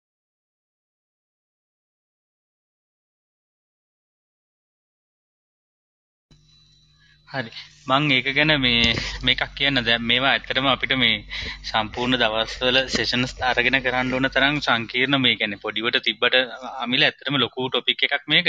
මේක ප්‍රධාන පළවෙනිම දේ තමයි දැන් සාමාන්‍යයෙන් මේ ඔක්කොම අර ඔකියුපේෂනල් රිලේටඩ් කියන්නේ අපේ ජොබ් එකට අපි වෘත්තියට වෘත්තියත් එක්ක එන සෞඛ්‍ය ගැටලුනේ තියෙන්නේ. එතකොට ප්‍රධාන වශයෙන් බලපාන එකක් තමයි දැන් අපි කම්පියුටර් එක වැඩ කරන කට්ටියට විතරක් ගමු. එතකොට එකක් තමයි එයාගේ ඇඟේ ඉන්ඩිවිජුවල් ඒ කියන්නේ ඔයාගේ ඇඟේ තියෙන ප්‍රශ්න හින්දා ඇති වෙන්න පුළුවන් සෞඛ්‍ය ගැටලු. ඊළඟ එක තමයි අපි වැඩ කරන පරිසරයේ තියෙන ප්‍රශ්න හින්දා ඇති වෙන සෞඛ්‍ය ගැටලු. හිතන්නකෝ ඩස්ට් එක ගොඩක් තියෙන තැනක වැඩ කළොත් ඊට පස්සේ එහෙම නැත්නම් ඔක්සිජන් ගොඩක් අඩු හොඳ හිර වෙච්ච කාමරයක වගේ වගේ වැඩ කරොත් එන ප්‍රශ්නේ ඊළඟ එක තමයි ප්‍රධාන වශයෙන් තමයි අපි පාවිච්චි කරන කියන්නේ වර්ක් ස්ටේෂන් එකේ අපි කොහොමද සෙටප් කරගෙන තියෙන එකත් එක්කෙන ප්‍රශ්නේ. එතකොට දැන් අමිලගේ තිබ්බ ප්‍රශ්නෙට එක හේතුවක් වෙලා තිබේ වර්ක් ස්ටේෂන් එකේ ඒ කොහොමද ඔප්ටිමයිස් කරගත්තේ කියන එකේ ප්‍රශ්නනේ. ලංකාවේදී මේවා එච්චර තාම කතා බහට ලක් වෙන්නේ නැති මාතෘකාවක් වුණාට පිටරටවල මේවා සම්බන්ධ නීති සහ විධිවිධාන පනත් පවා ගෙනල්ලා තියෙනවා සාමාන්‍ය ලෝකෙ තියෙන දියුණු රටවල් වල. ඉතින් එතකොට ප්‍රධානම දේ තමයි අලුතෙන් එන කෙනෙක් පළවෙනියටම කරන්න ඕනේ ඒ කියන්නේ ලෙඩක් හැදෙන්න කලින් වළක්ව ගන්න එක තමයි කරන්න පුළුවන් හොඳම දේ. එතකොට ඒක යටතේදී පළවෙනි එක තමයි නිවැරදි විදිහට අර අපි වාඩි වෙන එක ඉඳ ගන්න එක ඒ කියන්නේ වාඩි වෙන එක ඊට පස්සේ කම්පියුටර් එකට ෆේස් කරන එක ඊට පස්සේ කම්පියුටර් එක කොහොමද අපිත් එක්ක තියාගන්න ඕන? ඒ ඒ ඒ නිවැරදි ඉරියව් පුරුදු කරන එක මං හිතන්නේ ගොඩක් වැදගත්. මං සරලව කියන්නම්. අපි වාඩි වෙනකොට අපි ඒ වාඩි වෙනකොට අපි අපි ගන්න ටේබල් එක කම්පියුටර් එක තියාගන්න ටේබල් එකේ ඉඳන් වාඩි වෙන පුටුවේ ඉඳන් අපිට ඒවට තියෙනවා මේ ergonomic chairs tables කියලා වෙනම වෙනම තියෙනවා මේකක්. එතකොට ප්‍රධාන වශයෙන් අපිට පුළුවන් දැන් හැමෝටම ඒවට ෆෝට් කරන්න අමාරුයිනේ. ඒක සමහරවිට ගොඩක් ගණන්. ඉතින් කරන්න පුළුවන් දේවල් තමයි තමන් ගාව තියෙන එක සුදුසු විදියට පාවිච්චි කරන එක. එතකොට සාමාන්‍යයෙන් මේසයක් තෝරගත්ති උනත් කියන්නේ සාමාන්‍ය අංගල් 29ක් 30ක් විතර උස මේසයක් තමයි සාමාන්‍යයෙන් අපේ කම්පියුටර් එකක් තියන්න අපි ටේබල් එක විදියට පාවිච්චි කරන්න පුළුවන් සාමාන්‍යයෙන් අපේ තියෙන මේස. ඊට පස්සේ පුටුවක් ගන්නකොට සාමාන්‍ය උස වෙනස් කරගන්න පුළුවන් පුටුවක් ගන්නව නම් ඇත්තට මේක හරි වටිනවා. සහ ඉඳගන්න ඉරියව්ව තමයි ගොඩක්ම වැදගත් වෙන්නේ. එතකොට ඕක කියන්නේ අපි මේ කොන්ද කෙලින් තියාගෙන ඉඳ ගන්න ඕනේ. ඉඳ ගන්නකොට මේ පුළුවන් තරම් පුටුවේ පස්සට වෙලා ඒ වාඩි වෙන පුටුව අර බෑක් රෙස්ට් එකක් තියෙන පුටුවක් තමයි ගන්න කියන්නේ. සාමාන්‍යයෙන් අංශක 75 ඉඳන් 110 120 වෙනක රේන්ජ් එක පස්සට ඇලවෙන්න පුළුවන්. ඒකෙත් පිළිගත්ත ක්‍රම හතරක් තියෙනවා මේ ඉඳගන්න ඉරියව්වේ. එතකොට සාමාන්‍යයෙන් ගොඩක්ම ප්‍රසිද්ධ මේක තමයි අංශක 100යි 110යි පිටිපස්සට ඇලවෙලා වාඩි වෙනවා කියන එක තමයි මේ සාමාන්‍යයෙන් තියෙන ප්‍රසිද්ධම මේ ඉඳගන්න ඉරියව්වේ තියෙන්නේ. හැබැයි අපිට කොන්ද කෙලින් තියාගෙන පුටුවේ පුළුවන් තරම් පස්සට ගිහිලා වාඩි වෙලා උරිස් දෙක සාමාන්‍යයෙන් අපි ගොඩක් වෙලාවට අපි වැඩ කරනකොට මේ පුටුවෙන් ඉස්සරහට බර වෙලා ඊට පස්සේ උරිස් දෙක මේ අකුලවගෙන බෙල්ල පොඩ්ඩක් ඉස්සරහට නමාගෙන කකුල් දෙක එක පිට ගහගෙන තමයි සාමාන්‍යයෙන් අපි වැඩ කරද්දී අපි නොදැනුවත්ව පුරුදු වෙන්නේ. ඒකට කාලයක් යනකොට ඒ වගේම ලොකු ප්‍රශ්න ඇති වෙනවා. මොකද මාංශ පේශී අස්ථි අපි පැය සාමාන්‍යයෙන් රිසර්ච් වල කියනවා පැය 4කට වඩා කෙනෙක් කම්පියුටර් එකක් ඉස්සරහා වැඩ කරනවා නම් එක දිගට එයාට කම්පියුටර් රිලේටඩ් මෙඩිකල් ප්‍රොබ්ලම්ස් ඒ කියන්නේ ඒ සම්බන්ධව තියෙන අසනීප හැදෙන්න තියෙන chance එක ගොඩාක් වැඩි කියලා. ඉතින් එතකොට සාමාන්‍යයෙන් අපේ කට්ටිය පැය 8 කියන්නේ ඇත්තටම සාමාන්‍ය වෙලාවක් නේ ගොඩක් වෙලාවට වැඩ කරද්දි. ඉතින් එතකොට තමන් නිවැරදි ඉරියව්වක් පුරුදු කරගෙන පාවිච්චි කරේ නැත්නම් අනිවාර්යෙන් කොන් දෙකක් වුම තලාමාරු බෙල්ල එකක් වුම උරිස්සලාමාරු ඊට පස්සේ ලේ කැට ගැහෙන මේ නහරවල ලේ බ්ලොක් වෙනවා ඒ වගේ ගොඩාක් ලෙඩ එන්න chance එකක් තියෙනවා. ඉතින් ඊට පස්සේ වාඩි වෙනකොට ඒ විදිහේ මේ සම්පූර්ණ යටිපතුල් දෙක හොඳට ෆ්ලැට් එක ෆ්ලැට් සර්ෆේස් එක බිම හොඳට වදින විදිහට කකුල් දෙක තියාගන්න ඕනේ. කොන්ද කෙලින් තියාගන්න ඕනේ. බෙල්ල බෙල්ල අර ගොඩක් නමන්න බෑ. චූටි පොඩ්ඩක් ඉස්සරහට නමන්න පුළුවන් කියලා තියෙනවා හැබැයි ඔළුවත් කෙලින් තියාගන්න කියලා තමයි සාමාන්‍යයෙන් කියන්නේ. ඒක තමයි සාමාන්‍යයෙන් ඉඳගන්න ඉරියව්ව. එහෙම ඉඳගත්තාම අමිල අපේ වැලමිටවල් තියෙන මේසෙට මේ පොළවට සමාන්තරව තියාගන්න ඕනේ. එහෙම නැති වුණොත් ප්‍රශ්න. ඊට පස්සේ දැන් ඕක ඇත්තටම අපි වෙනම කතා කරමු. ඕක ඊට පස්සේ කීබෝඩ් එක කොහොමද තියාගන්න ඕනේ මවුස් එක කොහොමද තියාගන්න ඕනේ මොනිටර් එක කොහොමද තියාගන්න ඕනේ? ඒතර මොනිටර් එක කොච්චර දුරින්ද තියාගන්න ඕනේ? අන්න ඒ ටික ඔක්කොම අපිට හොයාගන්න පුළුවන් කොහොමත් මේක ඔන්ලයින් ෆීල්ඩ් එකට සම්බන්ධ ඉන්න කට්ටිය හින්දා ගොඩක් වෙලාවට පොඩ්ඩක් සර්ච් එකක් දැම්මොත් ඉන්ටර්නෙට් එකේ හොයාගන්න පුළුවන්. හැබැයි ප්‍රශ්නේ තියෙන්නේ එකකට එකක් වෙනස්. සහ සුදුසුකම් තියෙන කට්ටිය ලියපුවක් තියෙනවා. එහෙම නැත්නම් සුදුසුකම් නැති කට්ටිය ලියපුවක් තියෙනවා. ඒකට ඉතින් අතරමං වෙන්න පුළුවන්. අපි ඉස්සරහට මේ එකින් එක කතා කරමු කොහොමද මොනිට එකක් තියෙන්න්න ඕනේ කොහොමද මොනිට එකට සැටින් සදාගන්න ඕනේ ඇස්වලට මොනවද තියෙන බලපෑම් ඊළඟට ඊළඟට අනිත් එක කතා කරේ මේ චරිත් කතා කරනකොට කිව්වා ඇස්වල ප්‍රශ්නයක් ආව කියලා. එතකොට ඒකට කරන්න පුළුවන් දේවල් තමයි පළවෙනි දේ තමයි කම්පියුටර් එකත් එක්ක මූව් වෙන වෙලාව අඩු කරගන්න එක තමයි පළවෙනි ඔප්ෂන් එක. ඒතකොට ඒක සාමාන්‍යයෙන් ඇත්තටම කරන්න හරි අපහසු කාරණයක් නේ. ගොඩක් වෙලා වැඩ කරන කෙනෙක්ට. එතකොට කරන්න තියෙන්නේ අර තමන් වැඩ කරන වෙලාව හොඳට කාර්යක්ෂමව වැඩ කරන්න ඕනේ. පුළුවන් තරම් ටයිම් ටයිම් ෆ්‍රේම් හදාගෙන ඊට පස්සේ කියනවා නිතරම අපි සාමාන්‍ය ඔක තියෙන ඇස්වලට ගත්තාම මොනිටර් එකට සාමාන්‍යයෙන් තමන්ගේ අත දිග ඇරියාම තියෙන දුර තියෙන ඔන්න ඔය දුර වන් ආම් ලෙන්ත් කියලා කියන්නේ ඒකක් තියාගන්න ඕනේ. ඊට පස්සේ කම්පියුටර් එකේ මොනිටර් එකේ උඩ අපේ ඇස් ලෙවල් එක හරි ඊට චුට්ටක් යටින් තියාගන්න ඕනේ. ඒක එකක්. ඊළඟට මේ ලයිට් ලයිට් අපිට ප්‍රමාණවත් ප්‍රමාණයට තියාගන්න ඕනේ. අඩු වෙන්නත් බෑ, වැඩි වෙන්නත් බෑ. සහ සමාවෙන්න. එතකොට ඊළඟ කාරණේ තමයි මේ කර්ටන් එහෙම තියෙනවා නම් ඒකෙන් ඉරෙලිය වැටෙනවා නම් මොනිටර් එකට ඒක පොඩ්ඩක් එහෙම අර අර පරාවර්තන වෙන එක වළක්ව ගන්න විදිහට මොනිටර් එක හදා ගන්න ඕනේ. ඊට පස්සේ මොනිටර් එකේ සෙටින්ග්ස් ටික හදා ගන්න අපිට පුළුවන්. ඒක එකක්. ඊළඟට තව ප්‍රශ්නයක් තියෙනවා ලැප්ටොප් එකක් එහෙම අපි පාවිච්චි කරනවා නම් අපි සාමාන්‍ය පුරුදුලා තියෙන බිම තියලා මේ ටිල්ට් කරගන්නනේ ස්ක්‍රීන් එක. එහෙම නෙමෙයි කියන්නේ. ඒක කියනවා මේ අර අර ඒකට වෙනම තියෙනවා මේ උපකරණයක් ලැප් එක උස්සල තියාගන්න පුළුවන් මොනිට එක සාමාන්‍ය ඩෙස්ක්ටොප් මොනිටර් එක විදිහට හදාගන්න පුළුවන් විදිහට තමයි තියලා පාවිච්චි කරන්න ඕනේ. අන්න ඒ ප්‍රශ්නේ ඉඳ තමයි වෙනම ලැප්ටොප් රිලේටඩ් මෙඩිකල් ඉෂුස් කියලා වෙනම සබ් කැටගරි එකක් තියෙනවා මේ ප්‍රශ්න වලදී කතා කරන. ওই ටික තමයි ඊට අමතරව චරිත අපිට පුළුවන් කතා කරන්න අර 20 20 20 කියලා රූල් එකක් තියෙනවා. ඒ කියන්නේ විනාඩි 20ක් අපි කම්පියුටර් එක ඉස්සරහා වැඩ කරා නම් ඊට පස්සේ අපි විනාඩි 20කට පස්සේ අඩි 20ක්වත් ඈතින් තියෙන මොකක් හරි දෙයක් දිහා තප්පර 20ක් බලන් ඉන්නවා. එතකොට ඒ කියන්නේ සාමාන්‍යයෙන් අනිත් ඒවා වගේම තමයි දැන් අපි කම්පියුටර් එක දිහා බලාගෙන ඉන්නකොට අපේ ඇස්වල අර ඒ ફોකස් එක තියාගන්න ඕන හින්දා ඇස්වල මාංශපේශි ඇදිලා තියෙන්නේ. එතකොට ඒක වෙලාවක් යනකොට ඒක විඩාවටපත් වෙනවා. අපිට ටයර්ඩ් වෙනවා මේ ඇස්වල තියෙන මේ මසල්ස්. එතකොට අපි අර අරක කරාම මේ ඒවා රිලැක්ස් වෙනවා පොඩි කාලයක්. ඊළඟට අපිට රිසර්ච් වල කියනවා අපි කම්පියුටර් ස්ක්‍රීන් එකක් දිහා බලාගෙන ඉන්නකොට අපි ඇස් පිල්ලම් ගහන වේගය අඩු වෙනවා කියලා. සහ අපේ ඇස් සාමාන්‍ය ප්‍රමාණයට වඩා ඇස් ටිකක් ලොකු වෙනවා කියලාත් කියනවා කියන්නේ අර මේ එතකොට අර ඇස් වල එළියට මේ නිරාවරණය වෙන ප්‍රමාණය වැඩි වෙනවා. එතකොට මොකද වෙන්නේ එකක් කඳුළු වලින් හැම වෙලේම ඇස් පිල්ලම් ගහනකොට කඳුළු වලින් ඇහැ තෙමෙනවා. එතකොට තමයි ඇහැ වේලෙන්නේ නැතුව තියෙන්නේ. එතකොට මොකද වෙන්නේ අපි එක දිගට බලාගෙන ඉන්නකොට ඇස් පිල්ලම් ගහන එක අඩු වෙනකොට කඳුළු වලින් ඇස් තෙමෙන එක අඩු වෙනවා. එතකොට ඇහැ වේලෙනවා. එතකොට ඇස් කසනවා, ඇස් වේලෙනවා, ඇස් රතු වෙනවා, ඉදිමෙන්නත් පුළුවන්. ඊට පස්සේ ඉන්ෆෙක්ෂන් එන්න පුළුවන් ප්‍රශ්න ගොඩයි. ඒ හින්දා අර පුරුදු කරන්න ඕන එකක් තමයි 20 20 20 වගේ රූල් එකක් පාවිච්චි කරන්න පුළුවන්. ඊළඟට පුළුවන් අපිට කරන්න ඇස්පිල්ලම් ගහන්න හිතලා ඇස්පිල්ලම් ගහන්න සාමාන්‍යයෙන් දවස් කිහිපයක් පුරුදු වුණාට පස්සේ ඒක ඉබේම පුරුදු වෙනවා. අපේ අපේ ඇඟට තියෙන විශේෂය තමයි අපි මොකක් හරි දෙයක් පුරුදු කළොත් ටික කාලයක් ඒක ඒක පුරුද්දක් වෙනවා. ඒක ඊළඟ එක.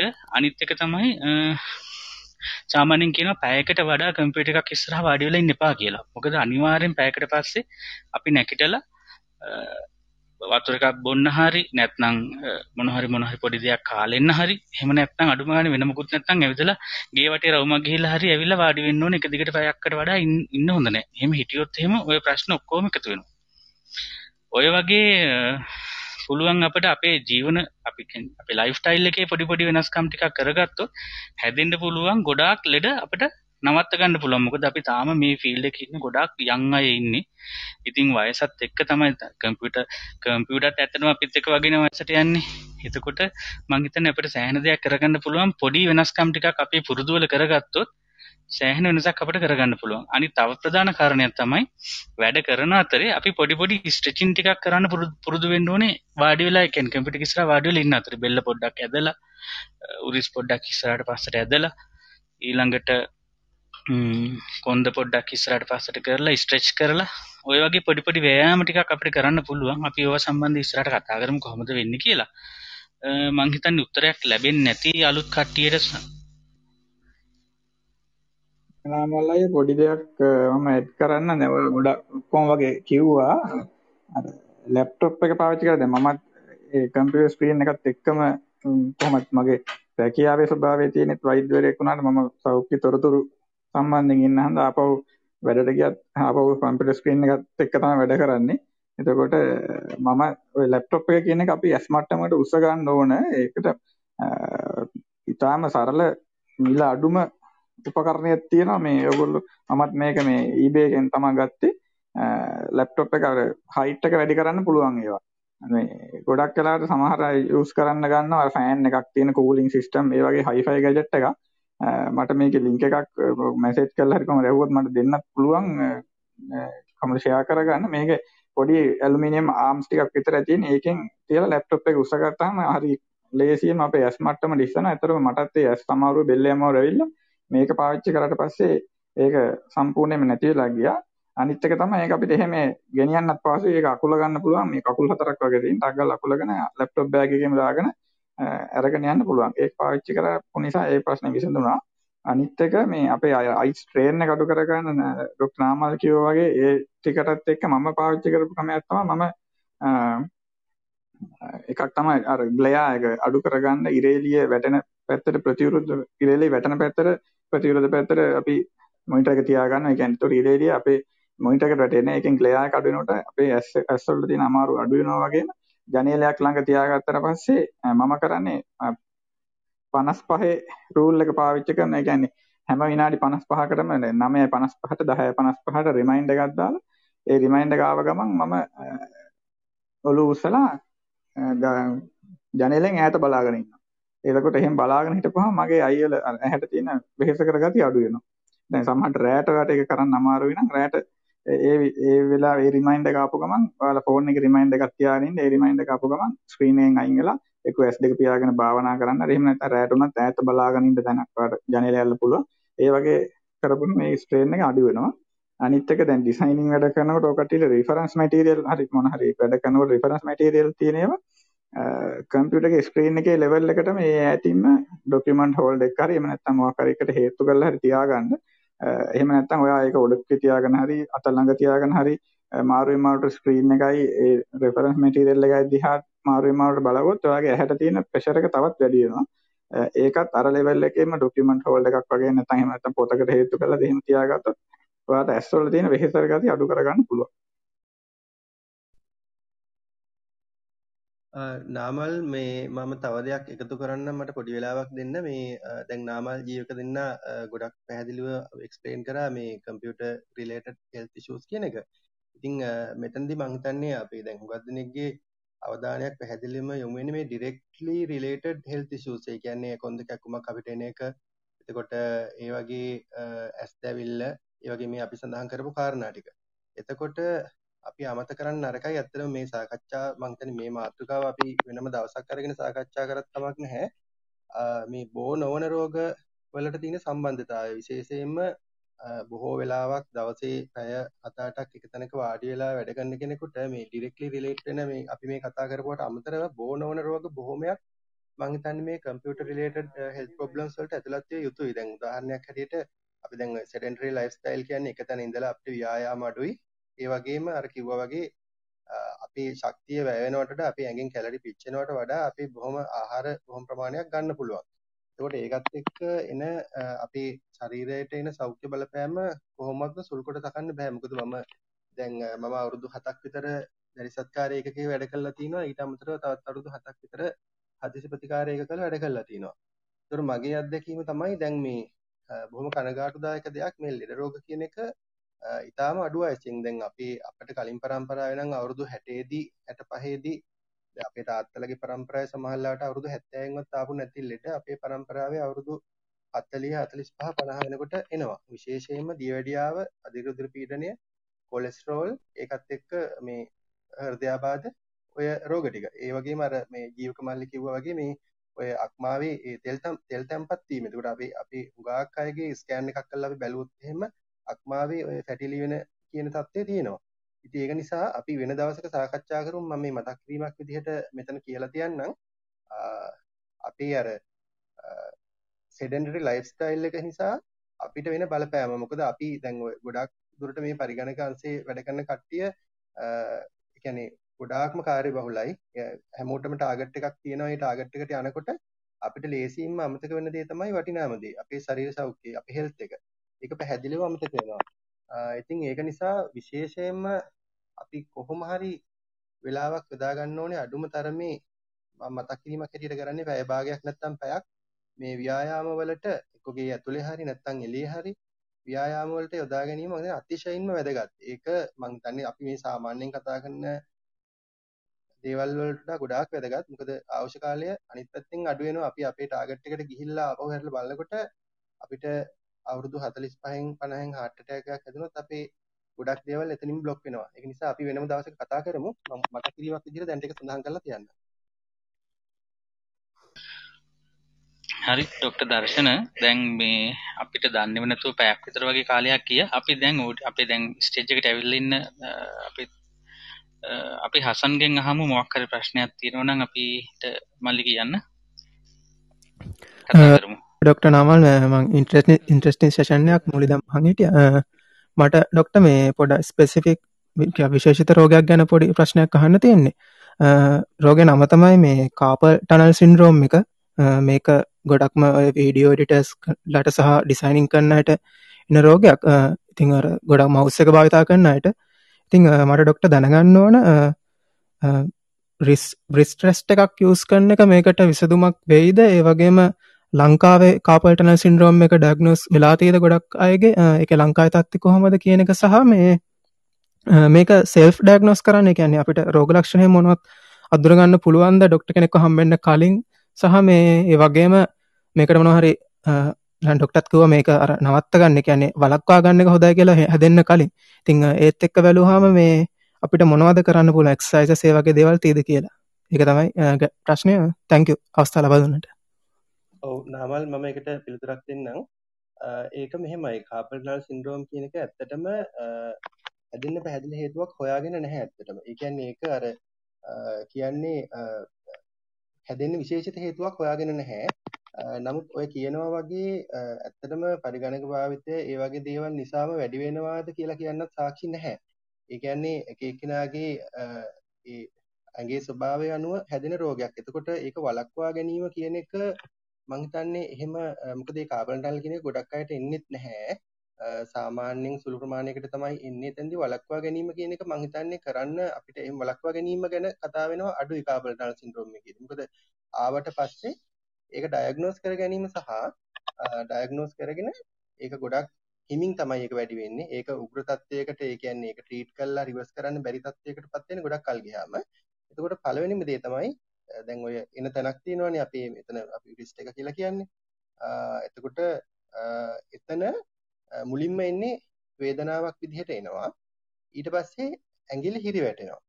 ඇඟිලි කියන්නේ ඔක්කොම නෙමෙයි. දැන් අපි අතක් ගත්තොත් ඒ අතේ ඇඟිලි පහම හිරි වැටෙන්නේ නැහැ. ඇඟිලි ඒ කියන්නේ අතේ භාගයක් තමයි හිරි වැටෙන්නේ. බලද්දී ඒක තේරෙනවා. එතකොට තමුන්ටම ඩයග්නෝස් කරගන්න ක්‍රමයක් තමයි අතේ භාගයක් හිරි වැටෙනවා ඊට අමතරව මම පොඩි ටෙස්ට් එකක් කියන්නම්. දැන් අපි ආයිබෝවන් කියන මේ ඉරියව්ව තියෙන්නේ අපි අත් දෙක එකතු කරලා ආයිබෝවන් කියන්නේ. එතනදී මේ අපි පොඩ අත් දෙක උස්සලානේ. එතකොට අපි දැන් ආයිබෝවන් කියන ඉරියව්වෙන් මේ නලල හරියට අපේ ඇඟිලි තුරු ටික තියාගෙන අල්ල අල්ල ගෑවෙන්නම තියාගෙන ඈත් කරන්නේ නැතුව හිමීට අතපාත් කරන්න. හිමීට අතපාත් කරනකොට මේ අත් දෙක එනවනේ සමාන්තරව. මම කියන එක මම හිතන්නේ තේරෙනවා. දැන් පාත් පාත් කරනකොට අත් දෙක සමාන්තර වෙනවා ඒකෙදි වෙන්නේ මේ අර මෙතන මේ රිස්ට් එකෙන් මේ මේක තද මේ කියන්නේ අපි නමන පැත්තට සාමාන්‍යයෙන් නමන පැත්තට නෙමෙයි පිට පැත්තට තදින් මේ ඈත් වෙනවා. ඒ ඇදෙද්දී මෙතන තියෙන ස්නායුව ඇදීමකට ලක් වෙනවා. ඒ ඇදෙනකොට අර වේදනාව සහ හිරිය වැඩි වෙනවා. ඒක එකක්. ඒක ක්‍රමයක්. අනිත් එක තමයි මේ ඔය හරියටම ඔය අල්ල පටන් ගන්න තැන අල්ල පටන් ගන්න තැන හරියට මැද්දෙන් අල්ලට ඉමීඩියට්ලි අත පැත්තට වෙන්න තට්ටු කරන්න ඕනේ ඇඟිල්ලෙන් ටක් ටක් ගාලා අනිත් ඇඟිල්ල මෙහෙම නියපිටින් තට්ටු කරාම ටක් ගාලා ඒ හිරිය අතේ අල්ල දිගේ ඉන්නවට යනවා. එතකොට එහෙම තමුන්ට පොඩි self diagnosis එකක් කරගන්න පුළුවන්. ඒක කරපු ගමන් ડોක්ටර් කෙනෙක් ළඟට යන්න ඕනම ડોක්ටර් කෙනෙකුට ওই ටෙස්ට් එක තුන කරාම කෙලින්ම කිසිම ටෙස්ට් එකක් නැතුව කර කියන්න පුළුවන් මේක කාබන් ඩල් සින්ඩ්‍රෝම් කියලා. ඊට පස්සේ nerve conduction test එකක් තියෙනවා ඒක confirm කරන්න. ඒකට ඒකෙන් තමයි තහවුරු කරන්නේ. ඒක අපිට සාමාන්‍ය කියන්නේ නියුරොලොජිස්ට් කෙනෙක් ළඟට වගේ ගියාම එයා ඒක කරනවා කරලා කෙලින්ම කියනවා මේක කාබන් ටනල් සින්ඩ්‍රෝම් කියලා. එතකොට එයාට ඒකේ බලනවා නර්ව් කන්ඩක්ෂන් එක කොහොමද කියලා. ඒ කියන්නේ නියුරෝන වලට වෙලා තියෙන ඩැමේජ් එක එතනින් එහාට මේ ස්නායුව දිගේ මේ ආවේග ගමන් කරන වේගය බලලා ඒගොල්ලෝ තීරණය කරනවා මේකේ සීවිරිටි එක බරපතලකම කොච්චරද කියලා. එතකොට ඒගොල්ලෝ රෙකමන්ඩ් කරනවා මේකට සර්ජරි කරන්න ඕනිද? කවදද කරන්න ඕනි? නැත්නම් කාලයක් නොකර ඉන්න පුළුවන්ද කියන එක. එතකොට ඩොක්ටර් කෙනෙක් කිව්ව සර්ජරි කරන්න කියලා ඉමීඩියට්ලි කලබලේ කරන්න අවශ්‍ය නැහැ. මාසයක් දෙකක් කල් අරගෙන ඒ සර්ජරි එක කරන්න ඕනි. කරද්දි කරන්න ඒ කරන්නේ පොඩි කැපුමක් දාලා එතන අර පාට එක කපල ඉවර වෙලා ඒ ස්නායුව අතට යන ස්නායුවක් තද වෙලා තියෙන්නේ. ඒ අර ටනල් කියලා කියන්නේ ඒ ස්නායුව ටනල් එකේ දිග යනකොට හිරවීමක් තියෙන්නේ. කපල ඉවරලා ඒක රිලීස් කරනවා, බුරුල් කරනවා. එච්චරයි කරන්නේ. දැන් ඔක නොකර හිටියොත් දිගින් දිගටම හොම තිබුණොත් මාසයක් දෙකක් අවුරුද්දක් දෙකක් තිබුණොත් අර ස්නායුව තෙරපිලා තෙරපිලා ස්ථිර වශයෙන් නියුරෝන් වලට යම්කිසි හානියක් වෙන්න පුළුවන්. ඊට පස්සේ සර්ජරි එක කරොත් කම්ප්ලීට්ලි රිකවර් වෙන්නේ නැති වෙන්න පුළුවන්. අන්න ඒක තමයි මේ මට කියන්න තියෙන්නේ. තැංක යු ඩොක්ට දර්ශන ඇත්තම ගොඩක් ස්තුතියි. ඒ ගැන විස්තර කරාට. මට අර අවශ්‍යම විදියට මේක විස්තර කර. තැංක ගොඩ තව පොඩි මම දෙයක් කරන්න. ඔව් ජීවක මල්ලි දර්ශනය කිව්වත් වගේම දැන් මම සීමාවාසික පත්වයෙන් පස්සේ සර්ජිකල් ෆීල්ඩ් එකේ තමයි වැඩ කරේ. මේ මේ අනිත් මේ සෞඛ්‍ය තොරතුරු ශේෂ්ත්‍රයට එන්න කලින් එතකොට ඔය කාපල් ටනල් සින්ඩ්‍රෝම් කියන එක අපිට ගොඩක් හම්බෙනවා. මේ මල්ලි කිව්වා වගේ දර්ශනය කිව්වත් වගේ කාපල් ටනල් සින්ඩ්‍රෝම් එක මේක නිසාමයි එන්නේ කියලා අපිට අර ගොඩක් ලෙඩ නම් තියෙන නම් ලෙඩ රෝග වගේම මේක නිසාමයි කාපල් ටනල් ආවේ කියලා අපිට ස්පෙસિෆිකලි කියන්න බෑ. ඒක හන්දා ඒක එකක් පරීක්ෂා කරගන්න ඕන. අනිත් එක මම නම් දැකලා තියෙන විදිහට මවුස් එක පාවිච්චි කිරීමෙන් හෝ කම්පියුටර් එක පාවිච්චි කිරීමෙන් කාපල් ටනල් සින්ඩ්‍රෝම් එකේ එන සම්භාවිතාවය ගොඩක් අඩුයි. ඒක නිසා ඔයා ඇත්තටම ෆිසිකල් ડોක්ටර් කෙනෙක් පෙන්නලා ඔයා ඉස්සරම පරීක්ෂා කරගන්න ඕනේ ඒක එන්න වෙන හේතු තියනවාද කියලා ඒක අයින් කරගන්න. දැන් සමහරට මේ මේ අපි කම්පියුටර් ඒජ් එකත් එක්ක වයස රැගෙන යනහම සමහරට අලුතෙන්ම හොයාගන්නත් පුළුවන් මේ computer related carpal tunnel syndrome එනවා කියලා. නමුත් දැනට එහෙම ලොකු එවිඩන්ස් නැහැ. නමුත් ඔයා වෙන වෙන වෙන හේතුන් නිසා කාපල් ටනල් ඉල්ලලා තියෙනවාද කියන එක බලා ගන්න පුළුවන්. අර ડોක්ටර් දර්ශන කියපු ටෙස්ට් එක තමයි ෆැලෙන්ස් ටෙස්ට් කියන එක. ඔයගොල්ලන්ට Google කරලා බලා ගන්නත් පුළුවන්. P H A L E apostrophe S Phalen's test කියන එක. ඕක කරපුවාම Tamanට මුණත් පොඩි අයිඩියක් ගන්න පුළුවන් කාපල් ටනල් සින්ඩ්‍රෝම් එක තියෙනවද කියලා. ඒකෙදි වෙන්නේ අර අපේ වැලමිට ළඟින් යන මීඩියන් නර්ව් කියන එක බ්ලොක් කරලා තමයි ඔය හිරිවැටීම එන්නේ. ඉතින් ඒ ටික තමයි මට ඇඩ් කරන්න තියෙන ડોක්ටර් නාමල්. ඔවම ලේකෙදම කියන්නේ මම පොඩි දෙයක් එකතු කරන්නම්. දැන් කාපල් ටනල් සින්ඩ්‍රෝම් එක කියන්නේ සාමාන්‍යයෙන් දැන් අපි මෙහෙම දැන් කම්පියුටර් සර්ච් අපිට Google එකේ සර්ච් කරාම මේ කම්පියුටර් රිලේටඩ් මෙඩිකල් ප්‍රොබ්ලම් කියන එකේ උඩින්ම එන එකක් තමයි කාපල් ටනල් සින්ඩ්‍රෝම් කියන එක. හැබැයි ලංකාවේදී අපිට ප්‍රැක්ටිකලි මේ කාපල් ටනල් කට්ටිය හම්බ වෙලා තියෙන ප්‍රතිශතයක් විදිහට ගත්තොත් ඇත්තටම අඩුයි. අපේ එක්ස්පීරියන්ස් එක අපි සීමාවසික කරද්දී දැකලා තියෙනවා. මේ හැබැයි කම්පියුටර් යූසේජ් එකත් එක්ක දැන් ලංකාව ඇතුළේ අපිට තාම ලොකු ප්‍රවණතාවයක් නැහැ. හැබැයි කොහොමත් කාපටාන වලට එක එක කියන්නේ හේතු කිහිපයක් තියෙන එකක් තමයි හෝමෝන වල හෝමෝන වල වෙනස්කම් කියන්නේ හයිපතයි හයිපෝතයිරොඩිසම්. ඒ කියන්නේ ඔතන මේ මෙතන අපේ මේ මණිකටුව ළඟින් මෙතන අල්ලට කලින් ඒ යනකොට මීඩියන් නෝව කියන එක යනකොට ඒක මේ යන්නේ එක මේ මෙම්බ්‍රේන් එකක් හරහා යන්නේ. එතකොට ඕක යනකොට මේ ඕකෙන් හිර ඔතන ඔතන ඇතු ඒ කියන්නේ එක කම්පාර්ට්මන්ට් සින්ඩ්‍රෝම් වගේ එකක් තමයි එතනත් එන්නේ. ඒ කියන්නේ ටනල් එකක් ඇතුලෙන් යන්නේ. කාපල් ටනල් කියන්නේ ඒකයි. කාප මෙතන කාපල් බෝන් වල තියෙන එක ටනල් එකක් කියන්නේ. උමගක් වගේ එකක් හදලා තියෙනවා. ඒ ඒක ඇතුලෙන් තමයි මීඩියන් නර්ව් කියන එක යන්නේ. ඒක හරහා යනකොට ඒ නර්ව් එක හිර වෙන්න පුළුවන් විවිධ හේතු හින්දා. ඒ කියන්නේ ඒකේ තියෙන ඒකේ වටේ තියෙන ඇටකටුවල තියෙන ප්‍රශ්නයක් හින්දා වෙන්න පුළුවන්. එහෙම නැත්නම් ඒක ඇතුලේ ඒ කියන්නේ නර්ව් එක වටේ තියෙන වෙන පාටකවල වැඩිවීමක් හින්දා වෙන්න පුළුවන්. ඒ කියන්නේ හෝමෝනම හින්දා හයිපෝතයිරොයිඩිසම් තයිරොයිඩ් හෝමෝන් එක අඩු වුනහම වෙන්න පුළුවන්. එහෙම නැත්නම් අපි මහත් වෙනකොට වෙන්න පුළුවන්. එහෙම නැත්නම් ආතරයිටිස් සමහරු තියෙනකොට එන්න පුළුවන්. දියවැඩියාවදී එන්න පුළුවන්. එහෙම නැත්නම් කියන්නේ ප්‍රෙග්නන්ට් කට්ටියගේ වගේ වකුගඩු අමාරු තියෙන කට්ටියගේ අත්හිදි වෙනවා. ඔය වගේ ඕන හේතුවක් හින්දා එන්න පුළුවන්. ඒ කියන්නේ ඒක ස්නායු එක්කෝ එතන එතන තියෙන ප්‍රශ්නයක්. ඉඳ එහෙම නැත්නම් ඇඟේ තියෙන සාමාන්‍ය වෙන ප්‍රශ්නයක් ඉඳ වුණත් කාපල් ටනල් සින්ඩ්‍රෝම් කියන එක එන්න පුළුවන්. ඒවා තමයි අපි වැඩිපුර දකින්නේ. අපිට දැන් අපේ තියරි වලත් අපිට උගන්නට උගන්නනවා සාමාන්‍ය රිපිටිටිව් මූවමන්ට්ස් කියන අපි නිතරම එක්ක ටයිප් කරනවා නම් මවුස් එක යූස් කරනවා නම් ඒවා තමයි අපි ඉන්ටර්නෙට් සර්ච් කරොත් වැඩිපුරම හම්බ වෙන්නේ ඒවා. හැබැයි ලංකාවේ ඇතුළේදී අපි දැකලා තියෙනවා හැබැයි අර ලොකු ভাইබ්‍රේෂන් මේ ভাইබ්‍රේට් වෙන තොලතල ඒ අනිවගේ කට්ටියට නම් කාපල් ටනල් එනවා දැකලා තියෙනවා කොහොමත් ඔය කිව්වට කාරණා ටික තමයි මල්ලි කරන්න තියෙන්නේ. ඕකදී එකක් බෙහෙත් කරලා නම් ඕක අඩු වෙනවා කියන එකක් නෑ අර කියන්නේ එක්ක ප්‍රෙග්නන්සි වෙලා හැදුණා නම් ප්‍රෙග්නන්සි එක ඉවරුණාට පස්සේ අඩු වෙලා යනවා. එහෙම නැත්නම් හයිපෝතයිරොයිඩිසම් කියන ඒ කියන්නේ තයිරොයිඩ් හෝමෝන වෙනස්කම් හින්දා වෙන ඒවා ඒවට ට්‍රීට් කළොත් අඩු වෙලා යනවා. හැබැයි ඊට අමතරව තියෙන හේතු වලදී නම් ගොඩක් වෙලාට ඕක කරන ට්‍රීට්මන්ට් එකක් විදිහට කරන්නේ අර ડોක්ටර් දර්ශන කිව්වා වගේ ඔතනින් පොඩි කැපුමක් දාලා ඒ නර්ව් එක රිලීස් කරනවා. හිර වෙලා තියෙන එක රිලීස් කරනවා. එතකොට එතකොට සමහරවිට අත් දෙකේමත් එනවා. ඔයාට අඳුර ගන්න පුළුවන් ඔයා බස් එක බාර් එකක් අල්ලන් යනකොට උඩ ඔයාගේ අත හිරි වැටෙන්න ගන්නවා. ඔයා බයිසිකලයක් පැදගෙන යනවා නම් ඔයාගේ අත් හිරි වැටෙන්න ගන්නවා. ඔයාට මොකොත් ඒ අතින් බරක් ටික වෙලාවක් අල්ලගෙන ඉන්නකොට ඔයාගේ අත් හිරි වැට ඒ කියන්නේ ඇඟිලි හිරි වැටෙන්න ගන්නවා. ඒකෙන් තමයි ලේසියෙන්ම අඳුර ගන්න පුළුවන්. ගොඩාක් වෙලාවට ලංකාවේ ඇතුළේදී ඉතින් ඕකට වෙන ප්‍රතිකාරමේ තමයි අන්තිමට අපි ඔපරේෂන් එකකට ගිහිල්ලා පොඩි ඔපරේෂන් එකක් ඒකට ගිහිල්ලා මේ ඕක හොඳ කරනවා. එහෙම තමයි සාමාන්‍යයෙන් අපි ප්‍රැක්ටිකලි දකින්නේ. හරි. හරි. තව පොන්සලා ඉන්නවා. ප්‍රශ්නයම කරන්න පුළුවන්. මේ සම්බන්ධව කලින් කතා කරත් දන්නේ නැහැ.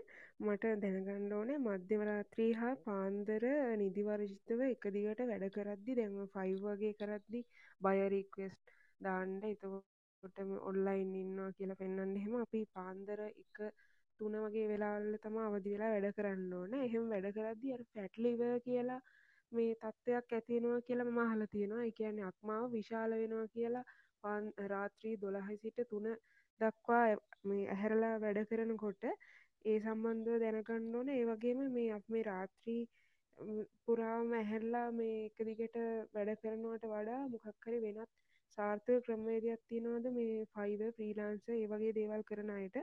ඒ සඳහා නිවැරදි කාල සටහනක් මේ හරි ක්‍රමවේදයක් අපි නොදැන අපිට වඩා මේ ගැන්නේ ඉහළ මට්ටම ඉන්න ඔයාලා ඒ ක්‍රම ක්‍රමයක් අනුගමනය කරනවද කියලා දැනගන්න ඕනේ. මේ ඒ වගේම මේ අපිට මේ ශාරීරික වශයෙන්ුත් ඒ එහෙම නිදිවර්ජිතව එක දිගට වැඩ කරනකොට එහෙම මේ විශේෂයෙන් රෑ හැරලා ඉන්නකොට මේ ශාරීරික වශයෙන් හොඳ නැහැ හැම අතිම කොණ්ඩේ යනවා. ඒ වගේ දේවලුත් වෙනවා. ඉතින් ඒවට මේ යම්කිසි නිවැරදි කාල සටහනක් හරි ක්‍රමයක් හරි තියෙනවද කියලායි මට දැනගන්න ඕනේ. ජීවක මල්ලි හරි දර්ශන හරි උත්තරයක් දෙනවා දෙකට පොඩි දෙයක් කියන්න ඔය පුන්සලා කියපු දෙයට ඇත්තටම මම කලිමුත් වගේ මම ප්‍රායෝගිකවත් මුහුණ දීලා ඒ ඇත්තටම ලෙඩෙක් වුණා. ඔය පැටි එකේ අක්මාව ලොකු වෙනවා කියන වචනයට වඩා අක්මාව ඉදිමීම කියන එක තමයි හරි වචනේ කියන්නේ. තියෙනට ලොකු වෙනවා නෙමෙයි තියෙන අක්මාව ඉදිමෙනවා. ඒකෙදි වෙන්නේ අපේ ඇහැරලා ඉන්න එකත් එක්කත් අපේ ස්ට්‍රෙස් ලෙවල් එක වැඩි වෙලා සහ අපි පාවිච්චි ඇහැරලා ඉන්නකොට අපි අපේ නාමලොත් එදා කතා කර අපේ ඇඟ ඇතුළේ තියෙන බයොලොජිකල් ක්ලොක් එකක්. ඒ කියන්නේ මෙලටොනින් කියන හෝමෝන් එක ශ්‍රාවය වෙලා අපි නිදා ගන්න ඕන කොයි වෙලාවටද අපි ඇහැරලා ඉන්න ඕන කොයි වෙලාවටද කියන එක අපේ ඇඟ ඇතුලේ රන් වෙන ඔරලෝසුවකින් අපිට කියනවා. දැන් රැ වෙලා තියෙන දැන් නිදා ගන්න කියලා. නමුත් මේ කම්පියුටර් පාවිච්චි කරනකොට අපේ ඩිජිටල් ස්ක්‍රීන් හන්දා ඔය මෙලටොනින් කියන එක ශ්‍රාවය කරන එක අඩු කරලා මෙයා ඔයා තාමත් දවල් ඉන්නේ තාම නිදා ගන්න ඕනේ නැහැ කියලා අපේ නිදිමත එන එක අඩු කරනවා. එතකොට නිින්දෙන් අපිට ලැබෙන බෙනිෆිට්ස් ටික අඩු වෙලා යනවා. නිින්දෙන් තමයි මුළු අපේ ඇඟ ඔක්කොම ආපහු රීෆ්‍රෙෂ් කරන්නේ. ආපහු ඇඟ ඇඟ දවල් කාලේ මහන්සි වෙලා ඇඟේ ඩැමේජ් වෙච්ච සෙල්ස් ටික අයින් කරලා අලුතෙන් සෙල්ස් හදලා ඔය රිෆ්‍රෙෂ් කරන වැඩ ටික කරන්නේ අපේ ලැබෙන නිින්දෙන්. එතකොට නිින්ද අඩු වුණාම අපේ අර ස්වභාවික නිින්ද නිදා ගන්න රාත්‍රී නිින්ද කියන එක ඇත්තටම වැදගත්. ඒ කියන්නේ අපි හිතුවොත් අපි රැයට හැරලා ඉඳලා ඒ පැය 6 හරි පැය 8 හරි අපි දවල්ට නිදා ගන්නවා කියන එක ඒක සාර්ථක ක්‍රමයක් නෙමෙයි. මොකද අපිට රැයට ලැබෙන නිින්ද වෙනස්. ඒක මෙලටොනින් ශ්‍රාවය වෙලා අපේ ඇඟට එන්න නිින්ද වෙන ටයිම් එකක් තියෙනවා. ඒ ටයිම් එකට ඒ නිින්ද එන්න ඕන. එතකොට ඒ ඒ ඒ ඒ නිින්ද ඒකෙන් තමයි අපේ ඇඟ රිෆ්‍රෙෂ් වෙන්නේ. එහෙම නැති වුණාම වෙන්නේ ඇඟ ඇතුලේ හැදෙනවා ඔක්සිඩේටිව් පාටිකල්ස් කියනවා ඔක්සි හරිත කොටස් එකතු වෙනවා. මේ වගේ අපේ මේ අවයව වලට ඩැමේජ් වෙනවා. එහෙම ඩැමේජ් වෙලා තමයි ඔය අක්මාව ඩැමේජ් වෙන්න පටන් ගන්නෙ. එතකොට ඒකෙන් තමයි මේ ඩැමේජ් වෙලා හෙපටයිටිස් කියන තත්ත්වය නන් ඇල්කොහොලික් හෙපටයිටිස් කියන තත්ත්වයට වෙලා තමයි අක්මාව ඉදිමෙන්නේ. ඒකත් එක්කම අපි සෙඩෙන්ටරි ලයිෆ් ස්ටයිල් එකත් එක්ක අපි කන කෑම බීම වැඩි වෙලා අනිත් ප්‍රධානම හේතුව ඒක වෙනවා. එතකොට ඒවා ඇඟේ තෙල් අක්මාවේ තෙල් තැන්පත් වෙලා ඒ තෙල් වලින් අක්මාවේ තියෙන සෛල විනාශ කරනවා. එතකොට ඒ විනාශ කරද්දී හෙපටයිටිස් කියන තත්ත්වය ලක්මාව ඉදිමෙනවා. ඉතින් ওই දෙක අනිවාර්යයෙන්ම මම හිතන්නේ යම් ජෙනරේෂන් එකත් එක්ක අපි වළක්ව ගන්නම ඕන හේතුවක්. මොකද ඒකට හේතුව අපි හිතනවා දැන් දර්ශනය කිව්වා වගේ අපිට ලෙඩ හැදෙන්නේ නැහැ. අපේ අම්මලාට තාත්තලාට කොලෙස්ටරෝල් හැදුනේ අවුරුදු 50න්. අපිට තාම එන්නේ නැහැ කියලා අපි හිතන් ඉන්නවා. නමුත් දැන් මම දැකපු දෙයක් තමයි මාත් මේ අම්පාර රෝහලේ දැන් අදිසි වෛද්‍ය ප්‍රතිකාරකයෙක් මේ දවස්වල වැඩ කරන්නේ අවුරුදු 25 26 ළමයි යනවා heart attack හැදිලා ස්පිරිතාලට ගේනකොටත් මැරිලා. ඉතින් ඇත්තටම කනගාටුදායක තත්ත්වයක්. ඒකට හේතුව ඒ කට්ටිය දන්නේම නැතුව කොලෙස්ටරෝල් තිබිලා ඒ කොලෙස්ටරෝල් තිබිලා heart attack එකක් එනකොට තමයි දන්නේ කොලෙස්ටරෝල් තිබ්බා කියලා. දියවැඩියව තිබ්බා කියලා. ඕපන් කරලා බලද්දි පශ්චාත් මරණ පරීක්ෂණය කරලා තමයි පේන්නේ සම්පූර්ණයෙන්ම heart එක බ්ලොක් වෙලා කියලා. ඉතින් ඒක හන්දා බය හිතන්න එපා මේ වයසත් අපිට ලෙඩ හැදෙන වයසක් නෙමෙයි කියලා. මොකද අපේ ලයිෆ් ස්ටයිල් එක අපි අර අවාසනාවන්ත ජෙනරේෂන් පරම්පරාවක් අපි අපි හිතනවා අපිට ලෙඩ හැදෙන්නේ නැහැ කියලා. නමුත් අපිට ලෙඩ හැදිලා ඒක හන්ද පළවෙනිම දේ තමයි අපි ඕවර් කොන්ෆිඩන්ට් වෙලා අපිට ලෙඩ හැදෙන්න වයස නැහැ කියලා හිතලා ඉන්න එපා. හැකියාවක් තියෙනවා නම් වෛද්‍යවරයෙක් හම්බෙලා හරි එහෙම නැත්නම් ලැබ් එකකට ගිහලා හරි කොලෙස්ටරෝල් එකයි ඔයගේ සීනි මට්ටමයි චෙක් කරගන්න කියලා මම යෝජනා කරනවා. අනිත් එක අපේ කැමරාට වෙනස් කරගත්තා නම් ওই ප්‍රශ්නේ මිදෙන්න පුළුවන්. මම ෆ්‍රීලාන්සින් කරනකොට දැන් මාත් පයිව කරනවා. ඕකෙන් මිදෙන්න මම පාවිච්චි කරපු ක්‍රමයක් තමයි මම එකක් තමයි මම තව එක්කෙනෙක් එක්ක මම ටීම් එකක් හදාගත්ත වැඩ කරන්නේ. එතකොට එයාට ටාස්ක් එකක් දෙනවා. බය රික්වෙස්ට් වලට දාන්න කියලා. එයා බය රික්වෙස්ට් දානවා.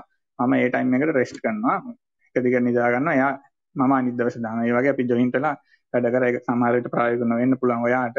අනිත් එක තමයි මම කරේ මගේ නිදා ගන්න ටයිම් එකයි බය රික්වෙස්ට් වලට සහ බයස්ලා මට හම්බෙන පීක් ටයිම් එකයි මම ඇඩ්ජස්ට් කරගත්තා. මම රැට ගන්න ඕන නිින්ද මම කලින් නිදා ගන්නවා. 9ට විතර නිදාගෙන පාන්දර 3ට 3:00මට හැරෙනවා. එතකොට ඒ ටයිම් එකේ තමයි මට බයස්ලා ආවේ. එතකොට පාන්දර 3 ඉඳන් මම ඊට පස්සේ දවස පටන් අරගෙන වැඩ කරනවා. එතකොට අර බයස්ලත් එක්ක එන ටයිම් එක ඕවර්ලැප් වෙන ටයිම් හරියට සෙට් වෙනවා. එහෙම නැත්නම් ඔයාලට රැට නම් එන්නේ ඔයාලට පුළුවන් 10 10ම 11 විතර වෙනකල් වැඩ කරලා ඊට පස්සේ ඔයා එක දිගට නිදාගන්න නිින්ද පැය 6මාරක් 7ක් අඩු අඩුම නිදාගෙන ඒ ඇඟට ගන්න ඕනේ විවේකයේ ගන්න. ටික තමයි කියන්න තියෙන්නේ ડોක්ටර් නාමල් මොකද එක්කන් තියෙනවද? ඕ මල්ලි දැන් ඒ කියන්නේ කිව්ව කාරණා ටික හරි. දැන් කොහොමත් නිින්ද නිින්ද කියන එක අපිට කොලිට of ලයි් කියනක මොනදේ කරත් අන්තිමට කොලිට of ලයි් කියන එකනේ වැදගත්තන අප ජීවත්තන එක ගුණාත්මක භාව කියන එකන වැදගත්තන්නේ එතෙන්දී ඉතින් නින්ද නින්ද කියන එක අපට මේ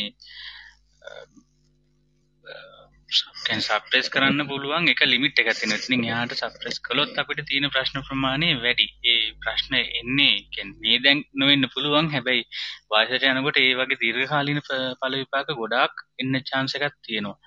අනිවාර්යෙන්ම නින්දෙති නින්ද කියන්නේ අපිව රිප්‍රෙෂ් කරන ප්‍රධානම වෙපන් එක අපේ ඇඟේ තියෙන.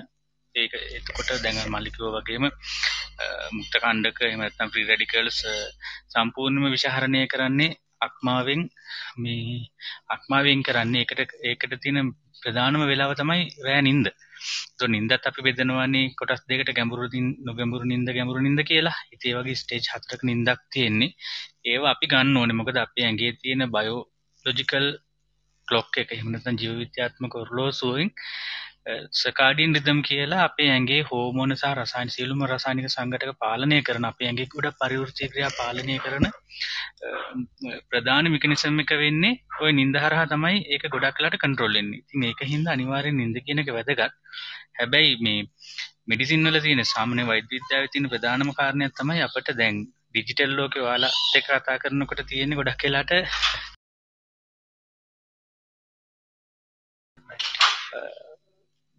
වන්නන් සීරෝනේ එහෙම නැත්නම් බ්ලක්කන් වයිට් තොට අපේ දැ මෙඩිසින් වලදී සාමාන්‍ය බ්ලක්කන් වයිට්න අපේ තින තනිකරම ග්‍රේස් තියෙන්නේ. එන කලු සුතුනේ අලු තියෙන හැම්වෙලේම අපි මේව කරන්න පෙහතක් ගත්තත් අපි බලන්නේ ඒක හොඳයි නරකයි දෙක මැසෙස් කරලා තමයි හොඳ වැඩිනං දෙක බේ බෙහිතක් විදිට දෙනවා. නරක වැඩිනං එක විශක් විදිට තම ගන්න. ඒ හින්දා අනිවාරෙන් නින්දිදි වුණත් ඒක බලපාන ඔයාලට එතකොට ඔයාට ඒක ඔයාගේ තියෙන වර්ක් ලෝඩ් එකත් එක්ක වාට එක ඇඩ්ජස්ට් කරගන්න වෙනවා. මොකද ඒක හොඳටම තේරෙන්නේ ඔයාට.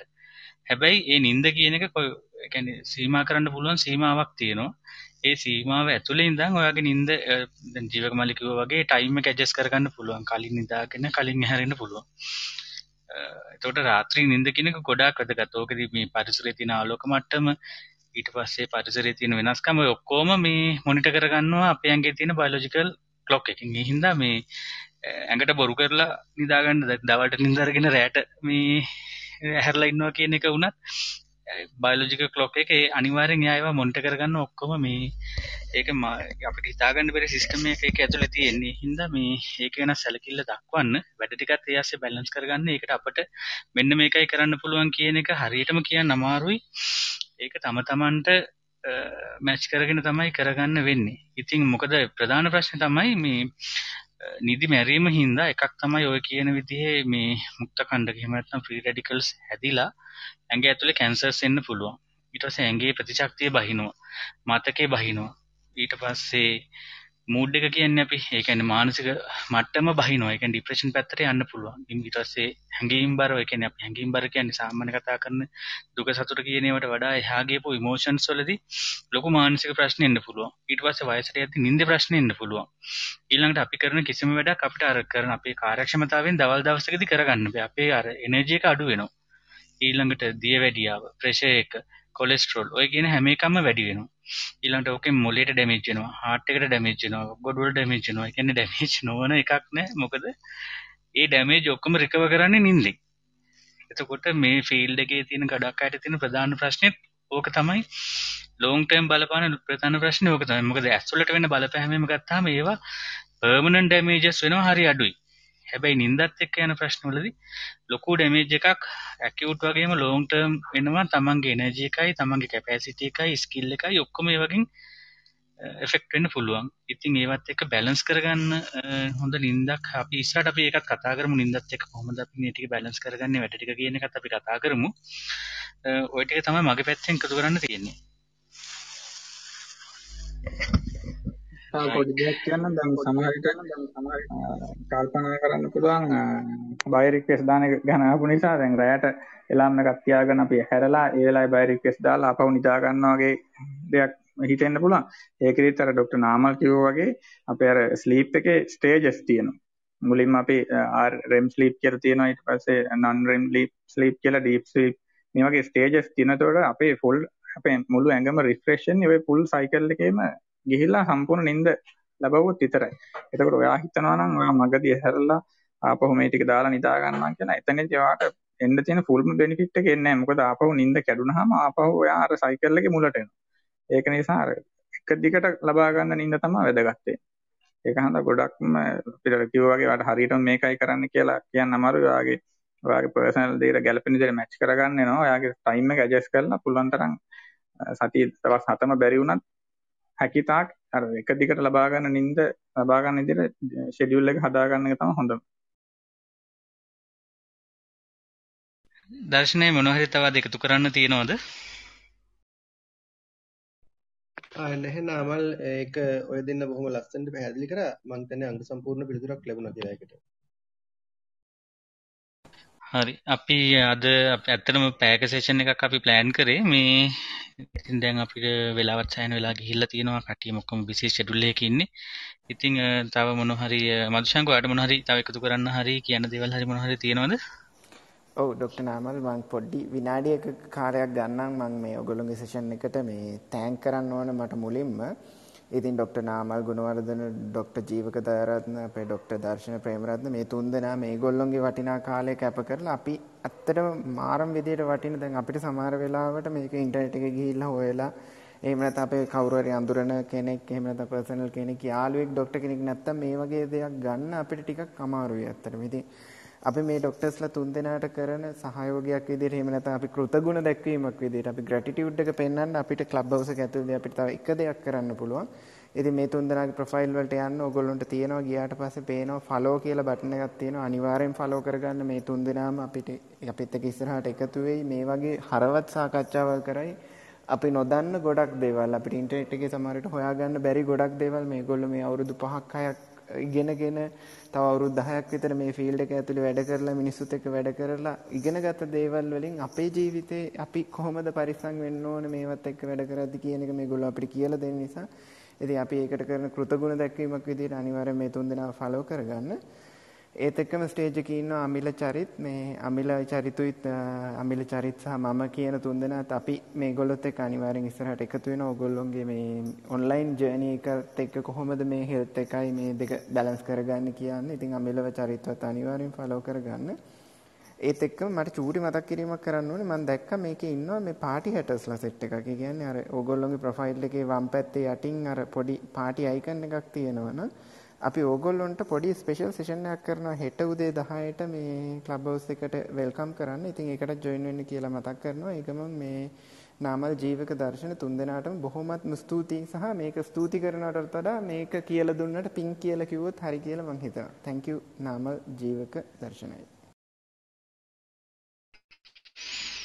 right ඇතන මදුශංග තමයි අපිටත් කිව්වේ. මෙහෙම දැන් කට්ටියගේ තියෙන ප්‍රශ්න ඔන්ලයින් ඉන්ටර්නෙට් ක්ලබ් එක ඇතුලේ කට්ටියට ගොඩාක් ප්‍රශ්න තියෙනවා. සෞඛ්‍ය ප්‍රශ්න කතා කරගන්න තැනක් නෑ අහන්න කෙනෙක් නෑ සමහරලාට දන්නේ නෑ කවුරුත් කතා කරගන්න. කාටද කතා කරන්න ඕනේ කියලා ඉතින් අපි කරමු කියලා කිව්වේ ඇත්තටම මදුශංකට තමයි ඒකේ ක්‍රෙඩිට් එක යන්න ඕනේ. මේ මොකද මදුශංක තමයි මාවත් මොටිවේට් කරලා කිව්වේ. අපි මේක කරමු කියලා. ඉතින් ඒකට මදුශංකටත් අපිට අවස්ථාව දුන්නට thank you. මේ සෙෂන් එක ඇත්තටම ගියේ හෙල්ස් ශ්‍රී ලංකා සහ ඔන්ලයින් එන්ටර්ප්‍රෙනර් ක්ලබ් එකේ. අපි දෙකොල්ල එකතු වෙලා කරපු වැඩක් විදිහට මදුශංක මේකේ රයිට් සේෂන් එක රෙකෝඩිං එකකුත් ඇහෙනවා ඩොක්ටර් නාමල් සේෂන් එක රෙකෝඩිං එකකුත් තියෙනවා අපි ඒකත් මේ කට්ටියත් එක්ක ෂෙයා කරගමු. ඒ කියන්නේ ගොඩක් වෙලාවට එන්න බැරි වෙච්ච කට්ටිය ඉන්නවනම් මේක අහන්න කියමු. ඒත් එකම හෙල්ත් ශ්‍රී ලංකා එකත් ෆලෝ කරගන්න doctor Namal doctor Jeewaka doctor Darshana එකතු වෙලා මේ වගේ හෙල්ත් රිලේටඩ් දේවල් සමහර විට තව මේ සෙෂන්ස් දානවා අපි ඉස්සරහට. ඉතින් ඒ වගේ නොටිෆිකේෂන් ගන්න පුළුවන් හෙල්ත් ශ්‍රී ලංකා ක්ලබ් එක උඩම තියෙන හෙල්ත් ශ්‍රී ලංකා කියලා ගයක් වගේ තියෙන එකට ගිහිල්ලා ඒකේ තියෙනවා මේ ෆලෝ කරන්න පුළුවන් මෙම්බර් කෙනෙක් විදිහට ඇඩ් වෙන්න පුළුවන්. ඉතින් ඒකත් කරන්න කියලා මතක් කරනවා. නම හරි. එහෙනම් අපි අද සෙෂන් එක අපි එහෙනම් නවතමු. අමිල චරිත් මොනව හරි කියන්න තියෙනවද අවසන් වශයෙන්? ඔව් ඩොක්ටර් නංලේ මේ බොහොම ස්තුතියි මේ අවස්ථාව ලබා දුන්නට. ඒ කියන්නේ මේ තියෙන ප්‍රශ්න කතා කරලා ඇත්තටම මේ ඔයාලගේ වටිනා කාලය මේ යොදාගෙන ඉතින් මං හිතනවා මේක මේ ඉස්සරහටත් පුළුවන් නම් තව තියෙන ප්‍රශ්න දැන් මං හිතන්නේ මේ මේ එක මාතෘකාවක් ඉරියන් දෙන්න ඕන මේක මේක ඉනිෂියේට් කරේ අංශංක මේක කතා කරමු කියලා අපි මේ යන් ජෙනරේෂන් එක ඇත්තටම කිව්වොත් බේර ගන්න. මොකද මේ මේ වගේ දැනුවත් වෙලා ඔයගොල්ලොන්ට ලෙඩක් හැදුනට පස්සේ බෙහෙත් ගන්නවට වඩා රෙඩේ වළක්ව ගන්න පුළුවන්. දැන් ගොඩක්ම මෙතනින් මතුවෙච්ච අර අක්මා විදිමේ වගේ දේවල් ඒවා අපි 100ට 100ක්ම නවත්ත ගන්න පුළුවන්. ඒක හන්ද මේ වගේ සෙෂන් වලින් අපි ඉස්සරහට කතා කරලා ඒක වළක්වා ගන්න පුරෝගාමියා වෙලා මේකට කතා කර මధు සංකරය අපි මම ගොඩක්ම ස්තුතිවන්ත වෙනවා. තව පොඩි දෙයක් මතක් කරනම් අපි ඉස්සරහට කතා කරන ටොපික් එකක් ගැන අපි මෙතනදී ටච් උනේ නැහැ. මේ substance abuse එහෙම නැත්නම් අපි මද්ද්‍රව්‍ය වලට යොමු වීමත් මේ ඩිජිටල් එන්ටර්ප්‍රනර්ෂිප් එකත් එක්කම මැදිලා තියෙනවා. අපි ඒක ගැන ඉස්සරහට කතා කරමු. සෙෂන් එකක් වෙනම දාගෙන නාමල් අයියා. ඒත් එක්කම පොඩි ටේක් හෝම් මෙසේජ් එකක් දෙන්න. මම ඒ කියපු ටොපික් එක ගැන ඔකට පොඩි අයිඩියා එකක් ගන්නත් එක්ක අපි ඉස්සරහට කතා කරන සෙෂන් එකකදී වැදගත් වෙයි කියලා හිතනවා. මම මතක් කරන්න ෆිල්ම් එකක් තියෙනවා thank you for smoking කියලා.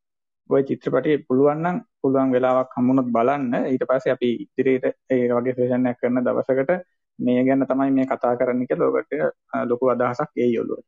ඒ ටික තමයි කියන්න තියෙන්නේ. ගොඩක් ස්තුතියි සම්බන්ධ වුණාට අමිල, චරිත් ඔයගොල්ලොන්ටත් ගොඩක් ස්තුතියි. ආමලයි හරි. එහෙනම් මට විනාඩියක් දෙන්න ස්තුති කරන්න නාමල් මල්ලි. මුලින්ම මං මේ මතු සංඝ ඇතුළු මේ සියලු දෙනාටම නාමල් මල්ලිට ජීවක මල්ලිට ස්තුතිවන්ත වෙනවා. මාව මේ අවස්ථාවට සම්බන්ධ කරගත්තට. මොකද මම බොහොම කැමැත්තෙන් මේකට සම්බන්ධ වුණේ ඉදිරියේදීත් ඇත්තටම අපි මේ රටේ ඉපදිලා මේ රටේ ඉගෙනගෙන අපි ලබාගත්ත දැනුමෙන් කෙනෙකුට මොනවා හරි දෙයක් දෙන්න තියෙනවා මම ඒකට බොහොම කැමතියි ඒක නිසා ඉදිරියේදීත් මගේ කාලය වැය කිරීම පිළිබඳ මම පොඩ්ඩක්වත් කනගාටු වෙන්නේ නැහැ. ඉදිරියේදීත් මේ වැඩසටහන දිගටම කරගෙන යන්න කියලා මම කියනවා. එතනදී මගේ පූර්ණ දායකත්වය ලබා දෙනවා. ඒ වගේම විශේෂයෙන්ම අර අපිට පුළුවන් නම් ඔඩියන්ස් එකේ ප්‍රශ්න නාමල් මල්ලි කලින් අපිට ප්‍රශ්න ටික අරගෙන අපිට එතකොට මේ ප්‍රශ්න වලට වඩාත්ම සාධාරණ විදිහට අංග සම්පූර්ණ පිළිතුරක් ලබා දෙන්න පුළුවන් වෙයි. ඒක නිසා මේ හැමෝටම ස්තුති කරනවා. ඒ වගේම මේකේ දිගටම රැඳී ඉන්න මම බොහොම හරි දර්ශන අයියේ ජීවක මල්ලි ගොඩක්ම අද ස්තුතිවන්ත වෙනවා වෙලා දෙන්නටත් වෙලාව වෙන් කරගෙන මේ වැඩේට සම්බන්ධ වුණාට විශේෂයෙන් මදුශංක චරිත් අමිල මල්ලි ඔයාලටත් ගොඩක්ම ස්තුතියි. මොකද අපිටත් අලුත්ම එක්ස්පීරියන්ස් එකක් අපි මෙහෙම ලයිව් ඩිස්කෂන් එකක් කරලා නැහැ හෙල්ත් සම්බන්ධව. කියන්නේ අපි සාමාන්‍යයෙන් කතා කරලා තියෙනවා කට්ටියත් එක්ක මෙහෙම එක්ස්පීරියන්ස් එකක් අපිත් ගත්තේ පළවෙනි වතාවට. ඇත්තට මේක හරි වටිනවා කියලා හිතනවා ගොඩක් අයට වගේම අපිටත් අවස්ථාවක් තියෙනවා අපේ දැනුම ලංකාවේ කට්ටියත් එක්ක බෙදා ගන්න හම්බෙන chance එකත් ඇත්තටම අපිට හොඳ experience එකක්. ඉතින් අපි ඉස්සරහටත් මේ වගේ වැඩක් දිගටම අපි කරමු. අපි කතා කරන්න දෙන්න මාතෘකා ගොඩයි. ඔන්ලයින් ඉන්ටර්නෙට් ක්ලබ් එකේ ඉන්න පිරිසට අපෙන් වෙන්න පුළුවන් දායකත්වය අපි පුළුවන් තරම් අපේ පැත්තෙන් දෙනවා. මොකද අපි ක්ලබ් එකෙන් දේවල් ගන්නවා. ඒ හින්දා අපි සෙෂන් එකක් අපි ඉස්සරහට කරනකොට අපි දැනුවත් කිරීමක් කරන්නම් ඔන්ලයින් ඉන්ටර්නෙට් ක්ලබ් එකේ සහ ක්ලබ් ශ්‍රී ලංකා එකේ ක්ලබ් ශ්‍රී ලංකා එකේ අපි එකට නොටිෆිකේෂන් දාන්නම්. ඒ වගේම දැනට අපේ පේජ් එක තියෙනවා Facebook පේජ් එක තියෙනවා හෙල්ත් ශ්‍රී ලංකා කියන නමින්ම. ටෙලිග්‍රම් ගරුප් එකක් තියෙනවා. ඒවත් එක්කත් ඔයාලට සම්බන්ධ වෙලා ඉන්න පුළුවන්. එතකොට අපි කරන වැඩ අපේ තියෙන ඩිස්කෂන් අපේ තියෙන මොනවා හරි ලිපි ඕන එකක් ඔයාලට අප්ඩේට් වෙන්න පුළුවන්. ඉතින් මං ආරාධනා කරනවා ඔයාලා සියලු දෙනාටම ඒවත් එක්කත් එකතු වෙන්න. Facebook page එක තියෙනවා Telegram group එක තියෙනවා දැනට. ඉතින් ඒවත් එක්කත් එකතු වෙන්න. ඉතින් අපි ආරාධනා කරනවා ඉස්සරහ දවස්වලදී අපේ සෙෂන්ස් වලට එන්න. අපි ඔයාලගේ ප්‍රශ්න ඔයාලගේ ප්‍රශ්න සහ අපි ද ඩෝල ලංකාවට ගෙනල්ලා ලංකාවේ පැතෙන් සම්පෝෂිත කරද්දී රටෙන් අපිට නිදහස් අධ්‍යාපනය ඉගෙන ගත්ත මිනිස්සු විදිහට අපෙත් යුතුකමක් තියෙනවා අපේ යුතුකම රටට දෙන්න. නිරෝගී පරපුරක් බිහි කරන්න අපෙන් වෙන්න පුළුවන් දායකත්වය හොස්පිටල් එකෙන් එළියට ඇවිල්ලා අපේ වෙලාව වෙන් කරගෙන අපි ඒකට දෙන්න. අපි තුන්දෙනාම ලෑස්ති දර්ශනයි වගේ වචනෙට ගොඩක් ස්තුතියි. ඉතින් එහෙනම් අපි අදට අපි සෙෂන් එක නවත්තමු එහෙනම්. එහෙනම් හැමෝටම සුබ රාත්‍රියක්. මේ වගේම සෙෂන් එකකින් අපි ඉක්මනටම හම්බෙමු. Right. Good night. good night. Good night